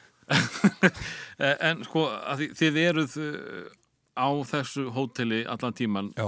þannig að þið, ná, þið náðu ekkert að taka eitthvað, eitthvað jamma á þetta Það var lítið, Arnar ekki drakk ekki á þessum tíma Nei, og hérna, hann hann er ekki byrjað að drekka sko. Hann er hættur að drekka nú í dag. já, Thank God for that. og hérna, og þannig að við vorum að ég var svo eiginlega eini sem fekk mér aðeins sko. Og það var, það var ekkit, það var ekkit mikið partistandana sko. nei, þetta var mikið lókalinn hann að bari niðri sko. og, og það var við fórum mikið í sjoppuna, The Garage sem var svona bensistu sjoppa Mm.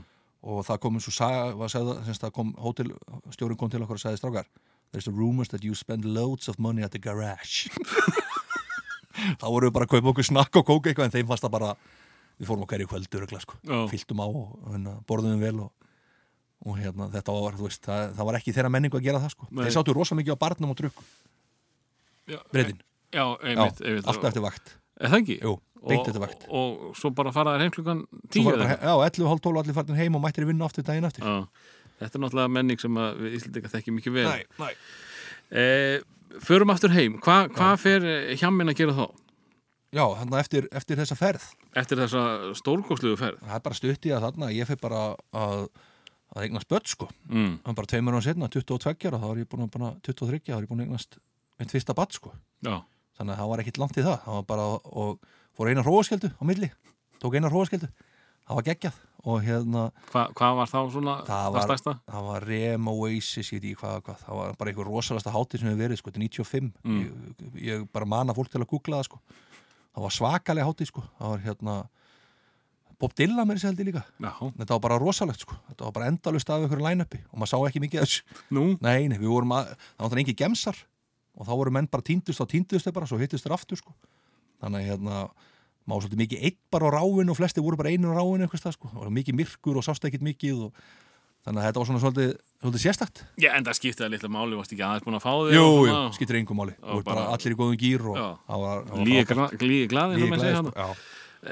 Hvenær ferðu svo að selja bíla? já, ég fer að selja bíla 99 Nú, það er svona 7. september 1999 verið notaðbílasölum Eða Eh, að hlaupa þangað eða er eitthvað sem að eh, sko, þú fann að hérna sko ég fór í ennsku skóla Nú, 92 eða eitthvað leika sko fer í ennsku skóla og það var alveg, það var geggjað tími, eignast ítalska kærustu Jáhá, og það er náttúrulega mjög töf og því ég er að opna minna, Dóti, Já. það var alltaf verið með mig, Dóti, þannig að ég hef alltaf átt erfileikum með peninga, Mm. alltaf verið á síðustu krónun einhvern veginn, sko. Þú ert Arnar Tór, eða ekki? Ég er Arnar Tóri eins og er í myndinni, svo, Já. sko. það má, ég er alltaf á síðustu krónunni og ég, þú veist, og það er, ég var í Englandi og þá var það þannig að ég var í ennsku skóla í Oxford, Oxford, Oxford, England og það var meiri áttar og, og það var bara, og þar gæt maður logi líka að öllum, sko, það veist, það var ekki hægt að googlaði neitt, þannig að ég var alltaf ljúandað útlendingum um Ísland, sko segja alls konar bullshit hluti sko, og það var mjög skemmtilegt og hérna og þá var, þá var ég hérna kynnist ég þessari stelpu ítalsku stelpu og ég eignast hann sem kærustu við erum bara kærustu bara meðan við erum hana svo fer hún að til Ítalíu og hún segir þú kemur bara og ég man eftir, því, ég keipti flug pappi sem sendi mig pening, eitthvað 200 pund og ég kaupi flug frá, með British Airways til hérna Rómar, Var þú og- þar? hún var þar Ah. Já. og ég var með 200 pund sem ég átti að eiga fyrir, þú veist, til að vera með úti og eitthvað svona sko. nema hvað, þegar ég kem til Rómar þá er ég eiginlega búið með allan þann pening og ég átti 50 pund eftir og ég ætla að vera alla helgin í Róm sko. mm. og það var bara ridiculous lítill peningu sko. og ég mæti þarna og svo er ég hérna með henni og hún segir hérna eitthvað, kemur ekki og býður ekki mér út að borða og ég bara, jesús, þú veist, ég er með 50 pund í vasanum og ég ætti eftir að fara þú veist, vera heila helgi í Róm og koma mér frá Róm til sko, heim aftur mm. þannig að ég hérna og engi gemsar, þannig að við förum okkur pizzastað og þannig rétt sleppur, og, þú veist, ég man ekki hvað mikið eftir þá sko, svo bara líður helgin svo er helgin búin og við erum að leiðinni heim og þá segir hún bara bless við mig ásens að hérna í miðborg Rómar, segir bara "Ah, takk fyrir aðeinslega helgi eitthvað svona og, og við sjáumst og ég man eftir, ég átti fjögur pund eftir eða semst þið voru einhverja lýrur þá sko og hérna, og það dögði ekki frá til að upp á flugvöll ég hef hef ekki komist upp á flugvöll og ég gæti ekki sagt hennar, engin gemsara neitt ég hef ekki, hef ekki, gæti ekki einu sinni ringt sko þannig að ég er þarna á lestastöðinni eitthvað að reyna að finna út í því hvernig ég get komist hérna á flugvöllin hvernig sé eitthvað svona eh, bara, þú veist, hvernig ég á að komast ákað sko og bara svitna, ég bara bara kalt nema þá sér með eitthvað breti og þú veist, heldur ég sé bretið eitthvað sko, ég veit það ekki, fyrir maður að spjalla sko, til, hvort ég hafi spurt eitthvað nálagt eða eitthvað svolítið sko, og hann segi, herðu, ég tek þið bara með komdu bara, og hann tók mig bara skutt, setti mig bara, við fórum bara saman í lestina og hann borgaði bara lestina fyrir mig til hérna út á flugvöll og ég hef aldrei verið jafn fegin á æfinu sko, ég var næstuði farin að gráta, mér langaði svo mikið til að þakka hann sko, ég held ég er bara eftir í Róm sko, ég er bara, ég er bara heimilisleis í Róm núna sko, það var rosalega tæft sko, Hljómar pínliti eins og eh, þegar ég er í útlöndum. Já. Eh, Ég er bara svo hrættur. já, Ég, það festast já, og bara þú veist, að þurfa að tala við innfænda, "Æ, ég er ekki nóg góður í ennsku. og eitthvað, og- Bara óþægilegt ef það, eh, eins og ég sagði, ég skal fara og ferðast með þér ef, Já. það- ef það fyrsta farið mig einhver heldur á törskóla mínum og segir, bendir í allar áttir sem ég þarf að fara. sko. En, en við erum eiginlega búin að hlaupa yfir unglingin. já, Verðum við ekki að fá unglingalag? jú, herðu úlingalagið maður það er sérstaklega skemmtilegt, Já, ég efa það ekki. Er Það er það, er það Smiths? smiðs? Já, Já. já. það er mínum menni Smiths Þannig að þetta er Mm. Arnar ekkert kannski sterkur inn. eða? mjög sterkur inn, líka Jón Máu minn Mm. hann kynni mig svolítið fyrir Smiths líka hann átti fullt af Smiths blötum og ég bara tók gjörsanlega ástfóstur við Smiths og textana, Hvenær? þetta er 1990 cirka, Já, löngu eftir að þau eru hættir. Já, því miður Þetta, Og er, na- þetta, þetta er svona tímalust pop. Já, Já. þetta er það og þannig er náttúrulega þannig sé nýhættir sjö ára eða eitthvað Mm. en hérna ég og ég tengi í rosalega við textana sem úlingur mikið dramatík í textunum og How Soon is Now er lagi sem ég valdi ég mæli með því að fólk lusta á textan í því sko Nú er ég búin að heyra þetta lag cirka 7000 sinnum. Jú, jú. Ég veit ekkert um hvað það er. Nei, Hvað erum við að sko, tala um? þetta er sko svolítið mikið um bara þetta er svona, þú veist, þetta er svona ekta morrisi Mm. um einmannaleikan sko you go to a club and you and, uh, and, uh, og hérna and you go home and you want to die Þú veist, þetta, ég er ekki að segja að æska mín hafi verið svona eða sem stúlingsárin Nei, en þetta En er Morrissey allavega. Mm. Ski- já, sk- þetta er svo ekta Morrissey og þetta er líka sko ekta að vera úlingur fara okkur klúb, vonastlega hitta einhver, einhverja stelpu hitta enga, fara einn heim og langa bara að fara að gráta mm. skilur hvað við, Skilur. þú ert 17 18 ára gaman með alla hormónin í gangi það er ekki hægt að tengja meira við þetta sko. Og það klikkaði, og það klikkaði, já, lífið er umulegt. líður um þetta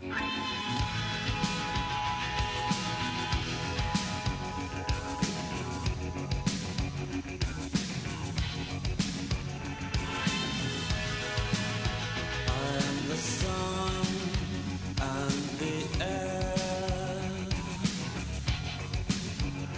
All the shyness that is criminal and vulgar. I am the sun and air of nothing in particular.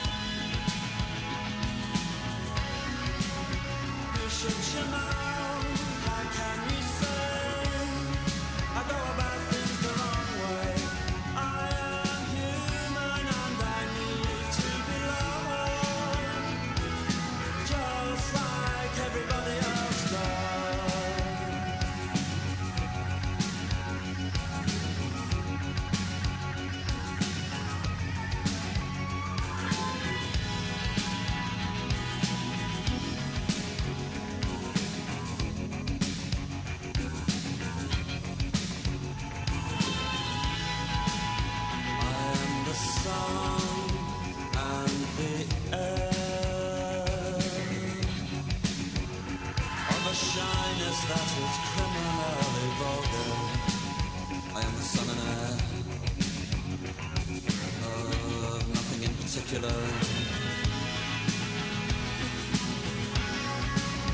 You shut your mouth, how can you say I go about things the wrong way? I am human and I need to be loved, just like everybody else does.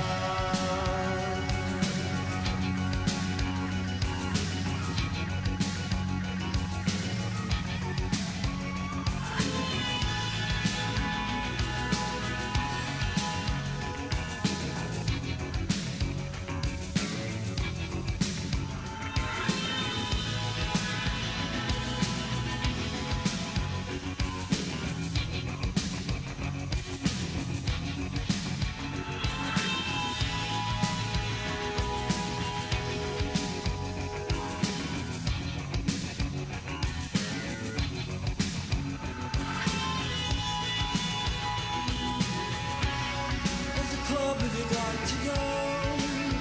You could meet somebody who really loves you.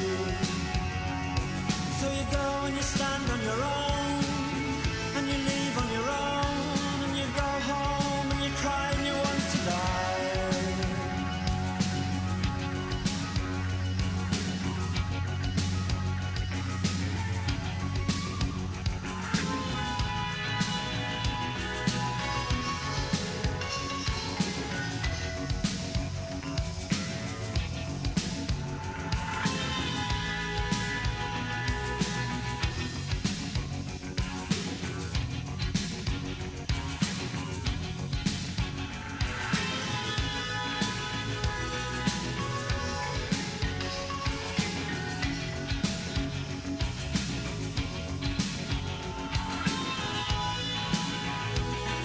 You say it's gonna happen now,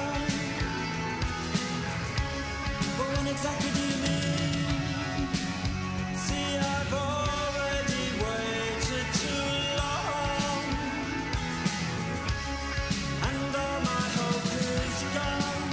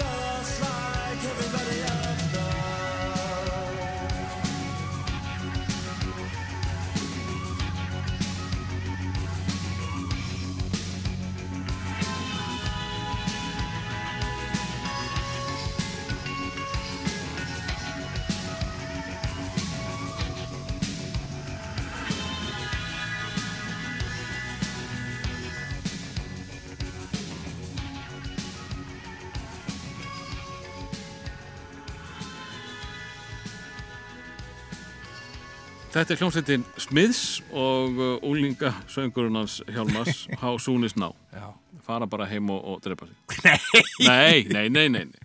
alls ekki Eh, Við vorum komin í bílasölumannin Já, það, það er eitthvað ég, ég hefði viljað kaupa bíla þér já, Már. ég held að við höfum náð vel saman Ég held Já. að þú voruð fastugunni hjá mér sko. Þú hefði retta með einhverjum, einhverjum svakalöfum Já, ég, ég Aðeins elst- dýrar heldur en ég hafði efna Algjörlega og, Já, og líka bara, þú veist, ég hefði haft áhuga á þér Mm. og hefði mörgla, þú veist, ég hugsa að fjölskyldan hefði keitt bíla mig líka Já. Ég reyndi mikið í því, þá voru sko þú veist, ammaðin og afi og allir og mammaðin og pappi og allir hefðu komið sko Já, bara, þú- náðirðu kúnanuðinum þannig að eh, hann var að segja þessi bílasölumæður Algjörlega, Já, það var og ég var hann. að byrja að kynnast öllum í kringu og þetta var svona, þetta heldur sér bestu sölumenn, ég er ekki að segja að ég hef verið besti sölumenn Mm. en þetta er, ég las ekkert um einhvern Japana sem var besti sölumenn í heimi pappi sagði mér frá hann, pappi er náttúrulega bílasali sko. þú veist, hann er í grunni sko. og hann sagði mér það að, sko, bílur ekki reyndar en hann er mikil bílasali en hann sagði mér það að, sko, að einhver Japani sem seldi bíla þannig að hann varð svo góðu vinnur allra fjölskylduna, sko. svo enda bara því að öll fjölskylduna allir, alltaf einhversu segir herru, er að köfum bíl, veistum einhvern veist, þá er bent á hann, sko. mm. bent á hann að sölum hann, sko. og þannig eiginlega gerði ég þetta svolítið, sko. Mér, þú veist, ég hefði mikið áhuga á fólki það er gaman að því og svo líka bara, þú veist, sölumennska sérstaklega notaði bíla svona, sérst nýst mikið um tröst, sko. þannig að svona, þú vinnur tröst fólks að þá kemur það aftur, aftur, aftur En, en þá gengur ekki að vera uh, sá maður sem að, uh, sko, það orð sem að bí, bílasalar hafa á sér, það er að vera svona sem í glæbamenn. Sko. Nei, það er, og ég held Þá reyndar að kemur ekki aftur. það, Nei, þá kemur ekki aftur og ég held að séu bara mjög fáir þannig, sko. Já. ég held að það séu En þá þarf það að vita nákvæmlega hvað það selja. Já, eh, sko málið er það, ég hafði engan áhuga á bílum Mm. en ég, þú veist, vissum alltaf nokkra sölu punkta í bílunum, sko en ég hafði áhuga á fólki og ég hafði náttúrulega áhuga á því að fólki var ánægt með bílinn sem það kifti þannig að við, þú veist, ég reyndi náttúrulega alltaf Ertu alveg einlægur núna? ég er alveg einlagur Mm. og ég, þú veist, eins og ég segi, ég hefði ekki getað verið í þessu 12 ár ef það hefði ekki verið, sko og ég, ég get alveg snú aftur í bílasölu, ég er alveg gaman að því, sko en það var, en þetta er svona, já, og, þú veist, og í galsanum eins og ég er, þegar ég var komin í mikinn galsa þá var, sko, þá, ég hefði getað unnið til 12 á miðnætti, sko, á þess að vera þreyttur það er svo skemmtilegt, Ég fannst Hefur þið ekki lent í skemmtilegt. Jú, jú, jú, jú, þú jú. veist, bara þú ert komin í svo mikið galsa og Já. svo mikið sala og svo mikið að gerast og nú díla og víla og þú veist, ég elskaði það, sko það er svona business sjálfum að rými líka, sko Eh, Og hvernig, hver, sko, vinna bílasalar bara á uh, sölulaunum eða? Fyrir hvert bíl sem að þú selur? það, var bara, það voru bara grunnlaun Já, eða bara laun reynda vorum við á bónus á þessum tíma sko, þannig að setni, setni skrefum góðarinsins Mm. mjög góðum bónus sem ég elska, ég elska bónusa ég er mikill bónusmaður, ég er lítill ferlamaður Já. og lít, er mikill bónusmaður þannig að hérna, já það var skemmtilegt en það var, við seldum alveg svakala sko, þarna voru menn að selja bara 300 bíla á mánuði 300 bíla nota á mánuði flesta bílasölu í dag er að selja 300 bíla á ári kannski, svona, þú veist, þannig séð Mm. 30 bíla á mánuði kannski þetta var rosalegu tími sko en er þetta ekki að fara aftur í gang? Ég, Það er ekki allir að kaupa sér nýja bíla núna. Eh. nei, nei, ég hugsa það, það geta alveg gerst aftur sko en ég held að verða aldrei eins og var en þannig að það var náttúrulega 100% lánin sko Já, nákvæmlega. Já, Ég- þau voru í gangi. Já. Já, og ég gleymi aldrei, ég má koma með eina sögu þarna Já. en sem ég var sko Því fleiri sögur því betra. Já, ég var í rosalega hæpir í daginn Mm. og búin að drekka mikið orkudrykki mörgla og kaffi og eitthvað svona sko Þess að geta, hann tók með sér orkudrykk. Já, hér ég í dag. málega það að ég er mikill, kona minn, hún vill alls ekki sér drekka orkudrykki, Mm. en ég drekk ég laumast í orkudrykki veist að mér finnst þér oft ná að, ég næja fókus á orkudrykki ég, Ég er nefnilega, sko, að því, það er alltaf að tala um að maður verið svo ör og svo er maður þreyttur. Já, Ég finn engan mun á orkudrykkjum. nei, Ég finn engan mun á kaffi. meinar þá enga mun á sjálfu þér? Nei, Já, já, ég verð ekki örari eða hressari eða, eða þreyttari eða hvað. já, já En ég verð pínu skrítin af testundum. og þá finn ég... Þetta er eitthvað mjög skrítið þá, Dóri. þá, þá svona pínulítið eins og ég- ég sé kannski að skella í mig svona eh, þreföldum dry vodka Hvað segir Kemur svona smá Þetta er eitthvað, roði í þú mig verður að fara að kanna þetta te sem þú ert að drekka Já. Þetta er eitthvað mjög skrítið Þetta er ekki Earls Þetta er Nei, eitthvað- nei, nei, nei, nei Þetta er eitthvað sem að, hérna, eh, ég ætla ekki að fara þangað Eh, En þú varst að tala Já. um, þú varst einhvern tíðan svona ör og, og, og hress rosalega mikil sala í gangi, allir á fullu geggja gaman, kemur maður niður sem ég kannast aðeins við og hann kemur hana og, og, og hann, er, með- hann er hérna, skal ég segja þér hérna eh, með mömmu sinni, kemur hana niður rúlustiðan svona stór rúlustið sem kemur og þau koma að setjast hjá mér og, og ég bara, herðu, takk ég bara hann bíl sem ég gerði mjög oft, takk ég hann bara hæfið hann í da, heilan dag og hérna og bara segjum svo hvernig einhver líst á og hann eitthvað, já, bara heilan dag, já, bara algjörlega, þú veist, þá bara venst fólk bílnum og svona, þú veist, fær tilfinningu fyrir honum og vil síðu fyrir að skila nýla, nýja bílnum þú er búin að vera á, þú veist, fer aftur að gömlu drusluna, sko og hérna, svo hérna er hann eitthvað að spjallaði mig og fer eitthvað að hugsa um þetta og er ekki alveg sannfærið, sko og ég er svona eitthvað að afgriða eitthvað annan og svo kemur hann labbandi og ég segi, herðu, taktu bara hérna Uh, taktu bara mömmuðina með þér og farið bara rúndin smá stund og komið svo aftur þau eru ekki að vera með en heilan dag og það var eins og hann vildi ekki vera með en heilan dag sko og þá kemur hann til mér og segir þetta, þetta er kona mín ég bara, jésús góður jésús minn góður þetta var versta sem ég hef nokkuð tíma lendi í sko þetta var svo hræðilegt, ég roðnaði svo rosala Heyrði mamman þetta líka? mamman, mamman konan heyrði þetta og ég sat hana eldraugri framar með annan kuna fyrir framar mig hann heyrði þetta, það einhvern veginn heyrði þetta allir og þessi maður kom aldrei aftur þetta var svo ríkalegt sko. og það var náttúrulega ekki þetta að byggðast afsökunar á þessu þú eyður þessu bara Já, Algjörlega, algjörlega. þetta var svo agalegt og þarna var, þetta var svona low point of my career Mm. í, í hérna þannig var maður búin að aðeins svo mikið áætlað að eitthvað væri sem var alls ekki sko. þetta, er, þetta var orkudrykkunum bara að tala þetta var orkutur ykkurinn bara í Sko. Já. bullinu sko. Eh, Og af hverju hættur þessu?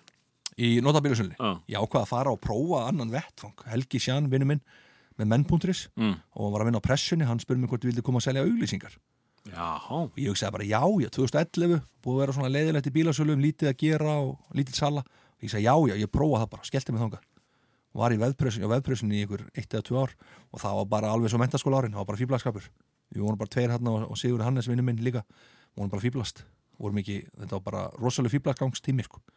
en náður að selja eitthvað? nei, það var mjög lítið, þetta var bara, við vorum bara fýblast sko. seldi eitthvað, jú, jú, seldi alveg Ég lýð því nú Þurftu nú að eiga í já, já, sultuna já, í já, grötiðin og e, þetta var bara, þetta var bara skemmtilegu tími Já, þetta var bara eiginlega akkurat það sem að þurftu á þessum árum það er bara, þú veist, ég sé alls ekki eftir þessu sko. Eh, en komandi úr bílasölu já, yfir í að selja auglýsingar í, í- á vefmiðil þá eða? já, Já. að Hvað? miðla það er bara mi- allt öðruvísi, sko, kunnin náttúrulega kemur ekki til þín, þú ert að sækja kunnan og þetta á svona, þú veist þú ert ekkert með neitt, ku- þú ert að byggja upp kunnahóp sem tekur tíma, sko, þú veist að velja þú veist að vera í sambandi við fyrirtæki og annað, sko, þannig að ég er svona einhvern veginn ég fannst það ekkit sérstaklega skemmtilegt, sko ég er meiri í bílasali Já, svona aukkontakt, já, og hittum eitthvað, meira sími eða akkurat ekki? já, Já. og þú veist að fá ykkur að fundi með ykkur markaðsfólk geti bara, þú veist, hrylling og erfitt og, og ég nefndi ekki, þú veist, já, þetta var ekki mitt ekki mitt cup of tea, sko En þú minnist á þarna Sigurð. já, Er það maðurinn sem að, eh, hefur verið bakvið kameruna hjá þér eitthvað? Siggi Hannes er búin að hjálpa mér mjög mikið að taka upp um þetta og með hugmyndir og annað og Hvenar, hvenar byrjar það, hvenar dettur það inn? Sigur Hannes kemur hann inn 2011-12, hann verður vinn minn þá, það er setni vinnhómurinn minn, Helgi Helgi kynnist í 2007, gefum út bók Mm. Gefur konur aldrei bók? hamingisamar Ha, konur aldrei hamingisamar, þessu litlan heila til dæmis er tilvali sko þegar þú veist í svona spjalli já, að nefna eitthvað þetta svona maður, ég gleymi þessu öllum maður, þetta bara, þetta poppar bara inn, sko, Mér dætti ekki í hug að þú hefðir eh, gefið út bók. metsölubók Metsölu bók? Já, nefndum fjórðasæti á Pennon og Eymundsson listanum, jólin 2007 Sko nú rámar eitthvað í, eh, þú veist, er þetta eitthvað sem að var kynnt í hausverkum helgar eða eitthvað? Nei, Þorgjumir Þráðarsson gáði bókina hérna, hvernig á að gera konuna sinna- þína hamingjusama Mm. og við gerum bók grín til höfus henni og sem konur aldrei hamingjusama þegar með svo litlan heila maður sé náttúrulega ekki litlan þannig að þetta var svona skrifað eins og kallremba hefði skrifað bókina sko, en rosalega vittlust kallremba, það var brandarinn sko. og hún mók seldist, við sátum í Smáralind við seldum einu svona 500 eintök af bókinni fyrir utan Smáralind í Pennan og Eymundsson á einum degi 500 eintök? 500, við sátum bara eins og við höfum verið að fyllir í frá tíu morgunin til tólum kvöldið eitthvað þannig að þeirra var opið hann um jólin og bara mókuðum við út, við köllum bara alla fræga Róbert Vessmann, Róbert, Róbert, kýta á hverjina en skýtu, við varum að sjá þessa ah, nei, t- t- það er tvær á 12 1260 eitthvað líka sko, kostaði ekki neitt neitt svona auka að gefa pakkan, við mókuðum við út mókuðum við, En, en sko, þegar svona brandari gengur upp, er- akkur reynduðu meira eða? nei, ekki, ekki fyrir bæku sko, við höfum verið að bralla ímislegt hitt og þetta ég og Helgi sko, ykkur að sketsa og svona sko Já. en það var ekkit, ekkit farið inn en aðra bók eða neitt svolítið sko En meða við metsölu bók, var þetta einhver peningur? Nei, þetta var, ég held að þetta verið ykkur 300-400 skall eða hvað mann, sko, þetta var ekki neitt neitt Það var einn ferð, ég fór eina ferð helgaferð, Mhm. þetta, þetta var eitthvað svo leis En, en sko, hvenar byrjar eh, hjami, hvenar byrjar eh, brallarinn að- að að svona eh, gera eitthvað svona það sem þú stektu fyrir, fyrir í dag? Sko, þetta eiginlega bara, ég hef alltaf verið í svona mér er alltaf langa til að vera skemmtikraftur Mm. og hérna, mér er alltaf langa til að Reyndur gera eitthvað fyrir þér á lífsleiðinu áður? Ég fór hann í uppistandi í mentaskóla 17 ára gamall, Já. lendi þriðasætti eftir trúbótorum sem þó voru heitasta dæmið Mm. 1990, þá voru að trúbótorar besta, ég lendi þriðasætti og hérna, það var svona mitt fyrsta Og hvað ákvæmstu þá að taka pásu frá þessu? svo tók ég, tók ég mjög langa pásu þá myndi ég líka út þessa bók 2007 svo hef ég bara alltaf verið að skemmta bara fólkinni í kringum mig og vinnustöðum og eitthvað svona sko. mér hefur alltaf fundist ég hafa verið í þessum skemmtanabransa svo er ég bara að hugsa það núna, ég raun og veru er ég ekki búin að vera að skemmta síðan þú veist, officially síðan 2014-15 mm. fyrir þá sem eru búin að þú veist, þekkja það minnst en mér hefur alltaf fundist ég búin að vera í þessu þannig að þetta er einhvern veginn ekkit eitthvað þetta er alveg ótrúlegt fyrir mig sko þetta er bara orðið allt annað stig sko ég er Já. skemmt að núna á ársatíðum og, og veislustýra og, og með pubquiz og fleira sko Já, nú ertu að fá peninga. nú er ég að fá pening allt í þessu, Já. sko. nákvæmlega En, en svona, ef þú ferða aðeins í þetta, hvernig, hvernig þetta fer í gang? Er það eiginlega bókin Na, bókin sem kveikir að í mér kveikir... Já, hún kveikir rosalega í mér Doddi. og það var, ég hugsa bara, ok, þetta er hægt sko svo kemur bara þessi kreppa og allt þetta og maður er bara með fulla að bara reyna sækir Lifa þetta. af. Já, og hérna, en það sem gerir síðan er þetta snabbtjætt forrið 2014 þú veitum byrjaðar á þannig að það gerist það ekki. uh, já Þú varst búin, þú ég er varst, búin að vera með pubquiz þú varst búin að gera einhverja sketsa með... Ég hef búin að gera sketsa og vera með pubquiz og, og hérna, þetta eiginlega springur út samt 2014-15. Já, skulum ekki fara í út, út Réttu þetta, Doddi. sprengjuna strax Nei. vegna þess að ég sé þið fyrst Já, öruglega, það er öruglega eitthvað á YouTube eða eitthvað, eða á eitthvað svona menn.is Já, eða já. eitthvað það sem þú ert sko að gera sketsa já, oftast bara einn með kamerumanni og uh, stundum ykkur leikar með þér, ég man það ekki Mhm. það sem að þú leggsti svolítið stóran þú varst ekkert eins og þú værir að byrja í þessu sko. Ok. þú leggst ekkert eins og þú værir uh, sko svona uh, lítið líðir eða eitthvað slik nei, ok. þú þú varst bara svona svolítið eins og þú værið the man og ég, var- ég var nefnilega svo hrifin að því að, að þarna, þarna var einhver sem engin veit hver er en er samt að haga sér eins og hann eh, allir eiga að vita hver hann er. Já, ok. Skilur hvað ég minna? Þetta þetta er mjög góð líking, menn ég held sjálfur rétt hjá þér. Menn ég held ég hafi einhvern veginn, mér alltaf fundist ég að vera í þessum bransa, en ekki vissi hver ég var. Þú veist hvað við. Já, já. Þannig að hérna, já, ég sko, Hva, Mastu hvað þú varst að gera Já, fyrst? Var við það bara vorum fyrir að- túbuna eða? já, við vorum að gera sketsa hjá Helgi hérna 2011-12 mjög mikið. Mm. Gerðum alveg fullt af góðum sketsum þar og skemmtilegu sko. Og tókum meðan að skennum grínað hérna kompasmálinu.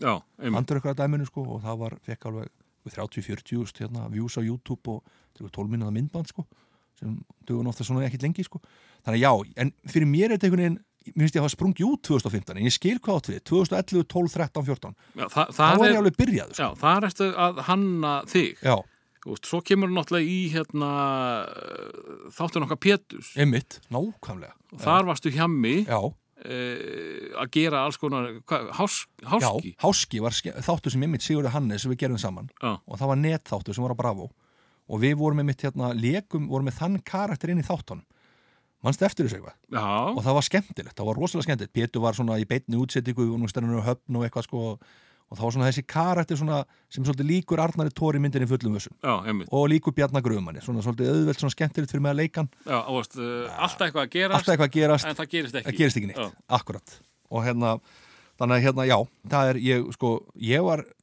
mér fannst það mjög leiðilegt til að það dæmi gekk ekki upp braf á Mhm. tífi mér fannst það mjög leiðilegt, mér fannst það mjög sniðu hugmynd og mér hefði, ég hefði viljað að það hefði gengið upp bara Nákvæmlega, nákvæmlega. og þessi spjallættir á Pétri maður sko minna Mm. voru algjörlega sko það sem ég sá og hann síndi mér eins og á, á hérna, áhorstölum að þeir voru mjög mikið áhor á þeim á internetur og ég Já. náði einhvern veginn aldrei okkur þeir fóru ekki í einhver, einhver sjónastöðum tók á sko Já, ég, hérna- ég, Sex- fimm sinni í viku þetta er alltaf, uh, þetta var smá aksjón fyrir, sérstaklega fyrir hann, sko. já, en, en hérna uh, nú man ég ekki alveg hvað eh, þú, þú, Já, sko, við- þegar, þegar þú tekur aðeins af, af mér orðið Já. þá, þá hverfur það bara já, en, en sko þú varst náttúrulega smá saman já, ég hefna, sko, eins og með 30-40 þúst áhorf uh, með þarna kompásgrínið ykkar já.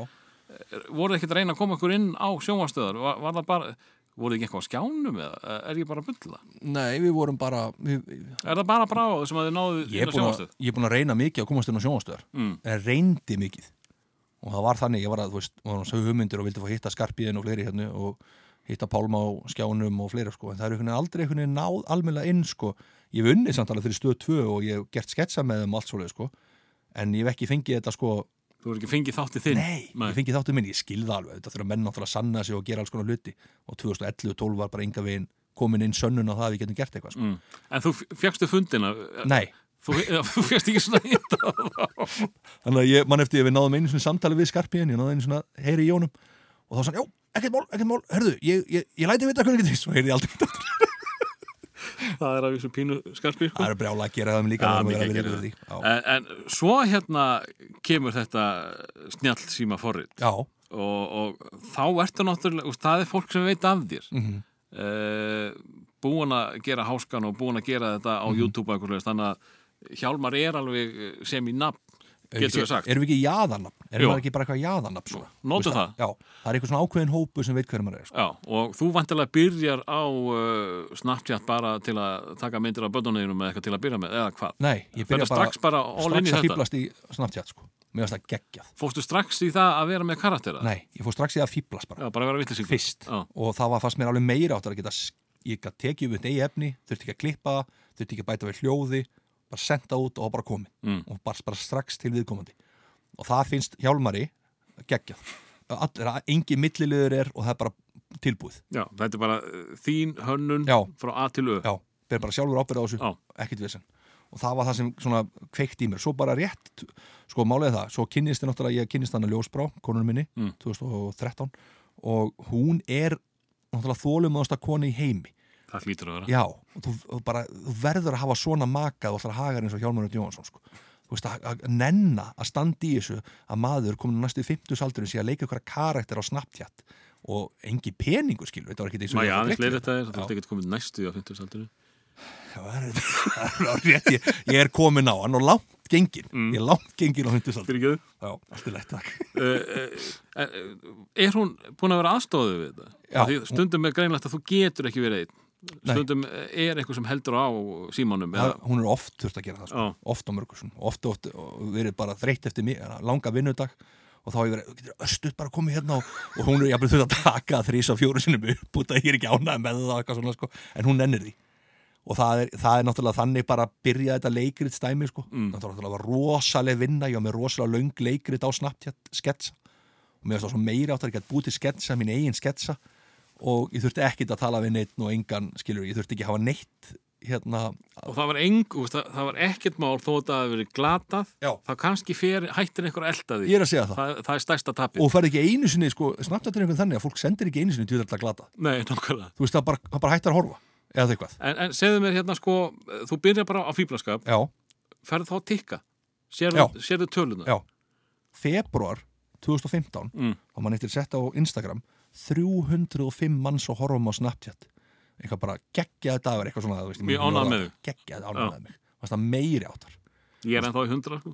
Já, en þú veist, þetta er bara, ég er náttúrulega, þú veist, þetta var minn vettvangur algjörlega, sko, mér finnst það bara meira átt sko. Svo í dag er eitthvað rétt um 10.000 og ég er búin að gleyma því bara hvað það er margir að horfa oft, sko. Þú veist, það er bara, maður, það er svona, ég hef aldrei verið upptíkin af því endilega áhorstölunni eftir að einhvern veginn Eftir að náður einhvern á- Já. ákveðnu marki. ákveðinu marki. Já. Þá er svona, það er minna upptíkin af henni, sko. En, en sko, s- segðu mér aðeins, þú veist, hvernig, hvernig var ferlið? Ok, það er þarna, 300 manns sáu mig á Snapchat í dag, frábært, ég Mhm. er, að, ég er að fokkin meika það. Síðan, eh, varstu þá byrjar að búa til karaktera, varstu þá byrjar að búa til þessi leikritið? Já, Og síðan ertu búin að vera að bæta við karakterum. jú. Hver, hver var fyrstur? Fyrstu karakterin var sennilega uh, Bjarni Gröfumar, Já, ég hugsa að hann að vera fyrstur. með tannstönglunar tannstöngurinn á loft, á lofti og svona gamli skólinn hann að vinna síðan hann var þú veist, þryggja fjárara borga í, í stjættafélag bara síðan hann Og er var hann fimm ekki ára oft að spera ofan eða? og bera ofan með Já. Mm. bjór og tannstöngul og oftar en einu sinni var ég næstu búin að gleypa tannstöngulinn þegar var að drekka bjór og það var það var bara munnaði rosalega litlu oft sko. þannig að hérna og alltaf held ég áfram Krakkar, eh, takið eftir þessu. Já. Það er stór hættulegt að vera snappstjarna, eh, eh, vandið ykkur og varið ykkur. já, Fyrir ekki að gera það er svo. rétt, takk, takk fyrir þess að viðurum og hérna síðan kemur Karl Önnursson Magnarsson Sigrunusson Mm. og það var svona Hvað varst að vinna með þar? það sem að gerðist var að það var svo rosalega mikið af feministu sem voru að spretta upp Mm. og menn voru að breyta nöfnunum sínum í þú veist, Alveg Andersson rétt, og allt þetta og mér fannst það bara svolítið fyndið sko. og hérna bara gott mál en, Fjekkstu, þú hlýtur að fengja einhvern skít fyrir það. nei, ég, sko, ég, það getur vel verið Já, en ekki beint í þín. nei, Nei. ég getur vel verið að, þú veist, það er fullt að liði sem finnst það ekki fyndið og finnst það en Það er, það er allt í lagi. það er allt í Það góðu bara sleppið að þér alveg Ég- að fylgjast með þér, sko. nákvæmlega sko. og hérna og fólki fannst, það var eins og bara fólki hefði fengið útrás í gegnum hennar Karl Önnunsson á svo mörgu Mm. þú veist, það voru orðin svo margir sem voru orðin svo miklu feministar og góðir sko, að þetta voru orðið bara þetta voru orðið komið út í ykkur vittleysu sko. og þannig var ég með einhvern sem var mjög yktur og var alveg sko, hann var, hann var svo stjórnlaus yktur í því að vera góðu feministi sko. Mm.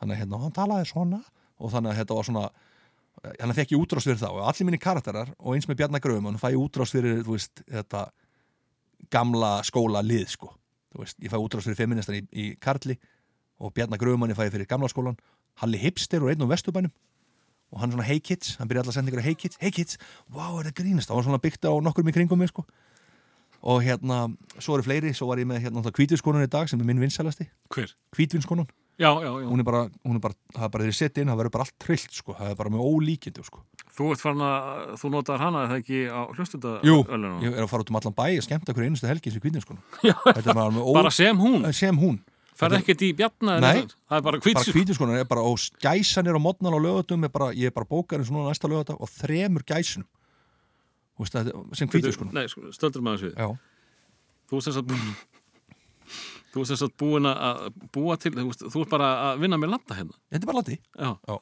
Eh, og þessi karakter það er ekki lengur verið að kaupa hjálmar það er Nei. verið að kaupa kvítvinskonun, kvítinskónum sko. já ok, Þetta er alveg magna sko og hún er svo, en það, það er vídeo af henni á Facebook sem ég er með á skemmtikraftinni Hjálmar og það er yfir 90.000 mann sem eru búin að sjá það sko Mm. og það var tekið bara eins og enn og aftur, það var tekið bara einu sinni var ekkert eitthvað ég að taka aftur upp eða laga til eða eitthvað, bara, var bara svona spontant vídeo sem ég sett inn af henni að tala um einhverja hjólaferð Mm. sem var byggt á sönnum atbyrði á stelpu sem ég sá sem var að tala um hjólaferð sem, sem eru algjör kvítiskona, sem er, kvítiskona er svolítið byggð á henni sko Mm. og hérna frábæð stelpa nota bene. og hérna, og hún sendi mér- veit hún að En hún, já, hún sendir mér á sunnundinum þegar ég er búin að senda inn á löðskvöldinu þá sendir hún mér á sunnundinum, ég sit á klóstinu og er að skoða síðan minn svo allt í henni kemur upp, sæljómar er þetta ég og vinkonum mínar og ég svitnaði bara ég sagði, aha, já, þetta er líkt en ég skal viðkynna ég byggði þetta eitthvað á ykkur þannig að ég, já, ég viðkynna það, hún er svolítið mín fyrirmynd í þessu Mhm. það er, það, fyrirmynd er alls þar Já, já, já. Uh, og ertu með fleiri, er kvítiskona Já, já, síðasta? illa nett líka, illa nettur er svona, var að gera grína áttur á þeim þegar þeir voru að byrja Aha. þeir eru alltaf að gera svona crazy hluti og hann er svolítið svona crazy, hann er að, þú veist, aðtöga hvort að hann er að drekka djús en það er ekki, hann er aðtöga hvort að sé piss eða djús, hann veit það ekki, og svo drekkur hann allt og svo þetta er piss þannig að það er svona það er svona verið, já og fleiri sem mann er ekki eftir sko ég, En, en sko, þ- veistu marga sem að hafa sem sagt uh, byrjað sem snappstjörnur uh, þú varst náttúrulega ekki með það markmið að verða skemmtikraftur í gegnum þetta eða þú varst bara að leika þér eða? enn og aftur, engin markmynd engin, engin plan, Nei, ekkert plan. Eh, sko, náttúrulega Aron Móla Já. er, er eh, annað dæmi en það er bara allt öðruvísi hann fór í leiklistaskóla og er bara leikari Jú, og, og, náum plan hann var með plan Já. en, en þú veist, veistu, eru fleiri eins og þú planlausir sem allt í hennu dettin herðu Það er einn gauð sem að ég held að sé planlaus en hann er reynda að koma inn í leiklistaskóla en ég held að hann að örglega ekki verið með að planað og hann er rosalega fyndin, starkaru Pétursson heitir hann Mm. og það er held ég að sé einna ég held að hann gæti orðið einna og svona hann er náttúrulega fyndin gaur hann hefur ekki fyrir þessu, hann er bara fyndin og hann gerir grína sjálfur sér og mér er alltaf fundist það að vera svona skemmtilegustu grínastennir þeir sem að bara einhvern veginn hafa alveg þú veist, Jón Gnar var náttúrulega mín grínhetja sko. Mm. hann var bara algjörlega bara á toppnum Latti algjörlega sko. og í dag, þú veist, mér veist þú veist, þeir hérna, mér veist, eins og FN95 blöð, mér veist, er algjörlega geggjaði sko. Þú veist, það er svona, þetta kemistri og að geta einhvern veginn svona gert grína sjálfur sér sko. langaðir ekki í svoleiðis Lang, þú veist, eins og svona eh, útvarstátt það sem að þeir svona fá að láta mest allt flakka Eh, vöfðingin er ekkit svona þægastur í lofti nei, nei, nei, nei. ég er náttúrulega, ég fekk hann í útvarpið á sínu tíma, það er mér að kenna og eh, það er stóra ábyrð maður Ég veit það og meira sér að sagði sko hérna, þú mátt alveg láta aðeins vaða sko. og hann tók það bara, ok, gott it já, já. og hann let vaða, sko. og hefur ekkert stoppað síðan alls ekki. Eða, þú veist, er þetta ekki eitthvað sem að, Jú, ég held að útvarp sé skemmtilegu miðill líka. Mm. Ég held sé að þetta- ég, hann er einhvern veginn deyr aldrei og það er hérna, ég hlusta mikið á útvarp, ég er mikill útvarpsmaður, ég hlusta mikið einmitt á þetta podcast sko, Mm. þannig að ég er svona alveg hérna, ég held að það getur verið mjög skemmtilegt sko og þú veist, best væri náttúrulega að geta bara verið með svoleiðis vinnu, já, já, bara fasta tekjur einhvern veginn fyrir að fýblast í útvarp eða sjónvarpi sko. Mm. En í dag er ég náttúrulega bara svolítið að harka sko já. og mér er það líka skemmtilegt. Þú, þú ert aðdunum aður, Ég, ég bara, ég vinn bara við þetta í dag. já, Tók ákvörðun bara í fyrra, hún er vinnað þetta heilt ár núna á þess að vinna við neitt annað. já, það er þannig. Það er svoleiðis. Uh, en eh, sko, hvenar á hvaða tímapunkti uh, fór fólk að ringja í þig og segja, herðu, hér er, með, hér er ég með pening, Já. Eh, viltu fá hann fyrir að gera þetta? Já, það er bara, sko, ég það það bara gerðist Doddi, það bara gerist allt í hennu einhver fara að sjá þig á, og náttúrulega snapptjættið og með 10.000 manns, þá ertu bara með risastóran auðlýsingar miðil, Já, já, ég, veist, ég er bara að pæli hvernig náður að færa Snapchatið þitt yfir í eitthvað sem þú fjast pening já, fyrir. það hefur verið svona 2016, 17 2016, Já. og svo- Ári eftir að þú slæ, Já, slæðið í líka. slæja í gegn Já, og þá eiginlega fer allt bara eins og 2017 þá fer bara allt á fullt og svo bara hefur þetta ekkert stoppað 2018-19 mástu hvað, hvert fyrsta gigi var? Ú, sko fyrsta giggi er svona Vá, þetta er erfið spurning maður þessi hefði ég viljað fá að vita fyrirfram Mm -hmm. þessi er frábær spurning, ég Takk. svo svarið þessu snappinu setni í dag Gerða það. en hérna, ég ég er ekki viss með það ég er náttúrulega var búin að skemmta mikið á gullöldinni í grái, Já, já. og búin að við pubquiz þar alveg í mörg ár sko. það var svona minn fyrsti vettvang Dabbi Rúka með tækifæri þar Mm. mikill, hérna, mikill uh, listamaður, Davíð, útkverra listamaður Já. Eh, Ert þú þar eða er þetta bara, þú veist, bara býrðu þar? eða? Nei, nei, bara Nei. tengsl, ég bara tengdi skullöldinni mikið á ákveðin tíma og bara hérna fór að skemmta þar. Já. En, en hvernig hefur þetta gengið eh, sko eh, að því að ég get alveg trúa því að þú ert pantaður á ásatíð Mhm. og þar eru sko fimm af eh, sex í ásatíða með þig á snappinu Mm -hmm. en kannski bara 10% að vinnustann Einmitt. hefur ekki hugmynd um hver þú ert Já. ertu ekki búin að lenda svolítið í Jú. svoleiðis fólki Þetta er frábært, vegna þess að sko það var mjög mik- ma- magnað að fyrir einhverju árið síðan þá var maður að mæta ásatíð að vissi fólk ekkert mikið hvað maður var, en einmitt nokkri vissi alltaf hver þú varst. Mm. Ég var að skemmta núna í fangilismánustofnun núna síðasta lögadag og ásatíðin þar og veslustjóri með Efi Rúsu sem er algjörlega briljant þelpa sko. er það ekki líka Þú, snappjulega? þú þarft að fá Efi Rúsu í þáttinn. Já. Það held ég að vera alveg stórkvæslegt sko. Og hún er snapp. Hún er einmitt. Já, ég held að Akkurat. Já. Rising Var- var- star from the snap world var hún ekki í Íslandi í dag eða Jú, eitthvað? um Já. jú. Hún er, hún er engi sem kann að gera grín, Ég var meira mjög- grína sjálfur Já, sér. ég var mjög hrifin að brjóstasögunni Já, einmitt. Og hérna, og hún, e, sérst, og þar kom alveg fullt af liði sem kom að tala við mig. Það var svo breytt, sko. En það er greinlega fær, fleiri sem að sé mann, nema fyrir að byrtast á skjánum. mm. Sjónvarp er ennþá svo mikilvægt. Þú veist það er menn að tala um að horfa ekki á línulega daskra og eitthvað svona, sko. Ég held að sé meira en menn þóra að gefa upp, sko. já, ég held það Ég held það nefnilega. Og ég finn það bara að leiða maður byrtist eitthvað á rúf eða, eða hérna á Stöð tvö. Mm. stöð 2, þá er þetta þá sér fólk þetta svona einhvern veginn þú veist, það er svona nær til fleiri þannig að ekki vann með þetta sjónvarpi sko. og þá hefum við tók ég eftir því að fullta liðana sem það fylgst með mér alveg frá byrjun mér finnst það alveg ótröld, það myndi eftir bara gömlum sögum sem ég hef verið að gera sko. bara rifja það upp og ég er búin stein gleyma þessu en ég gleymi mjög mikið af þessu sko. Mm. þannig að hérna, mér finnst það skemmtilegt En það hefur breyst, það er svona að, orðin aðeins þekktari sko. auðvitað er að fullta liði sem er ekki hugmynd um hver maður er maður Þú veist, maður er bara í 500. sæti yfir celebrities á Íslandi eða eitthvað sko. En- Eh, En þú hefur samt verið svol- svolítið mikið notaður í markas Já. herrferðir. Já, Ég nefndi bara þess að tvær síðustu, Jú, jú. Egil og, og, og hérna 1x2. já, Eh, Stöð 2 notaði þó nokkuð mikið. já Eh, Hvernig, sko, er þetta þínar hugmyndir eða erst þú bara að leika? Sko þetta er svona, ég myndi segja mínar hugmyndir, þeir eru búin, konum með ákveðna hugmyndir sem er geturinnar og, og hérna og Það Pepsi fegst hennu bara að vera þú eða ekki? Jú, getur hún það? það er bara basically þannig sé aftur enn og aftur Arnar Tóri hérna, með tannstöngulinn og svona Bjarni Grumar Já, og allt þetta sko þannig að það var eiginlega bara svona búið að ákveða það mjög auðvelt og skemmtilegt sko og ég hafði mjög gaman að því Pepsi mörkin, það er ekki, Hjörvar Hafliða sem er lúmsk, finnasti maður ég veit ekki hvort það sé lúmsk, finnast, það vita allir hann er fyndin sko, en hann- annar maður sem ég kom í út að spila. hann er, já, er það ekki? Jú, jú. Já, þú ber líka ábyrgð á honum þú ert með mjög st- rosalega Vafasama fortíð. vafa sem að fortíð sko.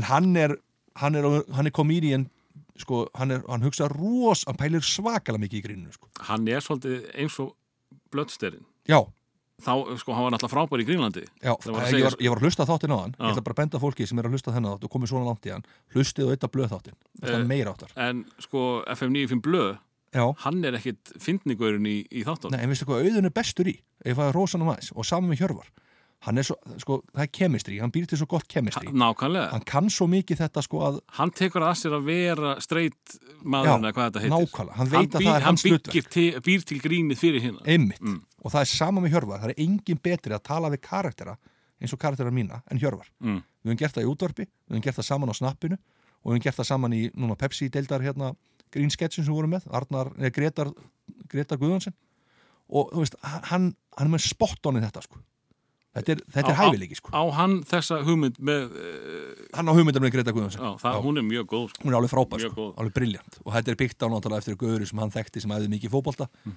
en einhvern veginn gátt aldrei neitt en voru alltaf að æfa þannig að það er greitar Hvað ætlar hérna eh, Hjálmar að gera í framtíðin?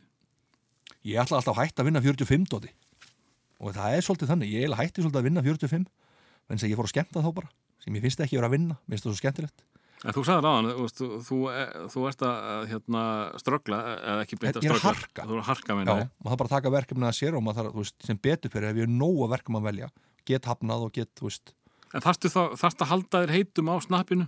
já, ég- snappið er bara mitt svona, ég er láta mikið vita að ég sé þarna og þarna og þarna, svo fólk viti að ég sé að skemmta og annað, sko, Mm.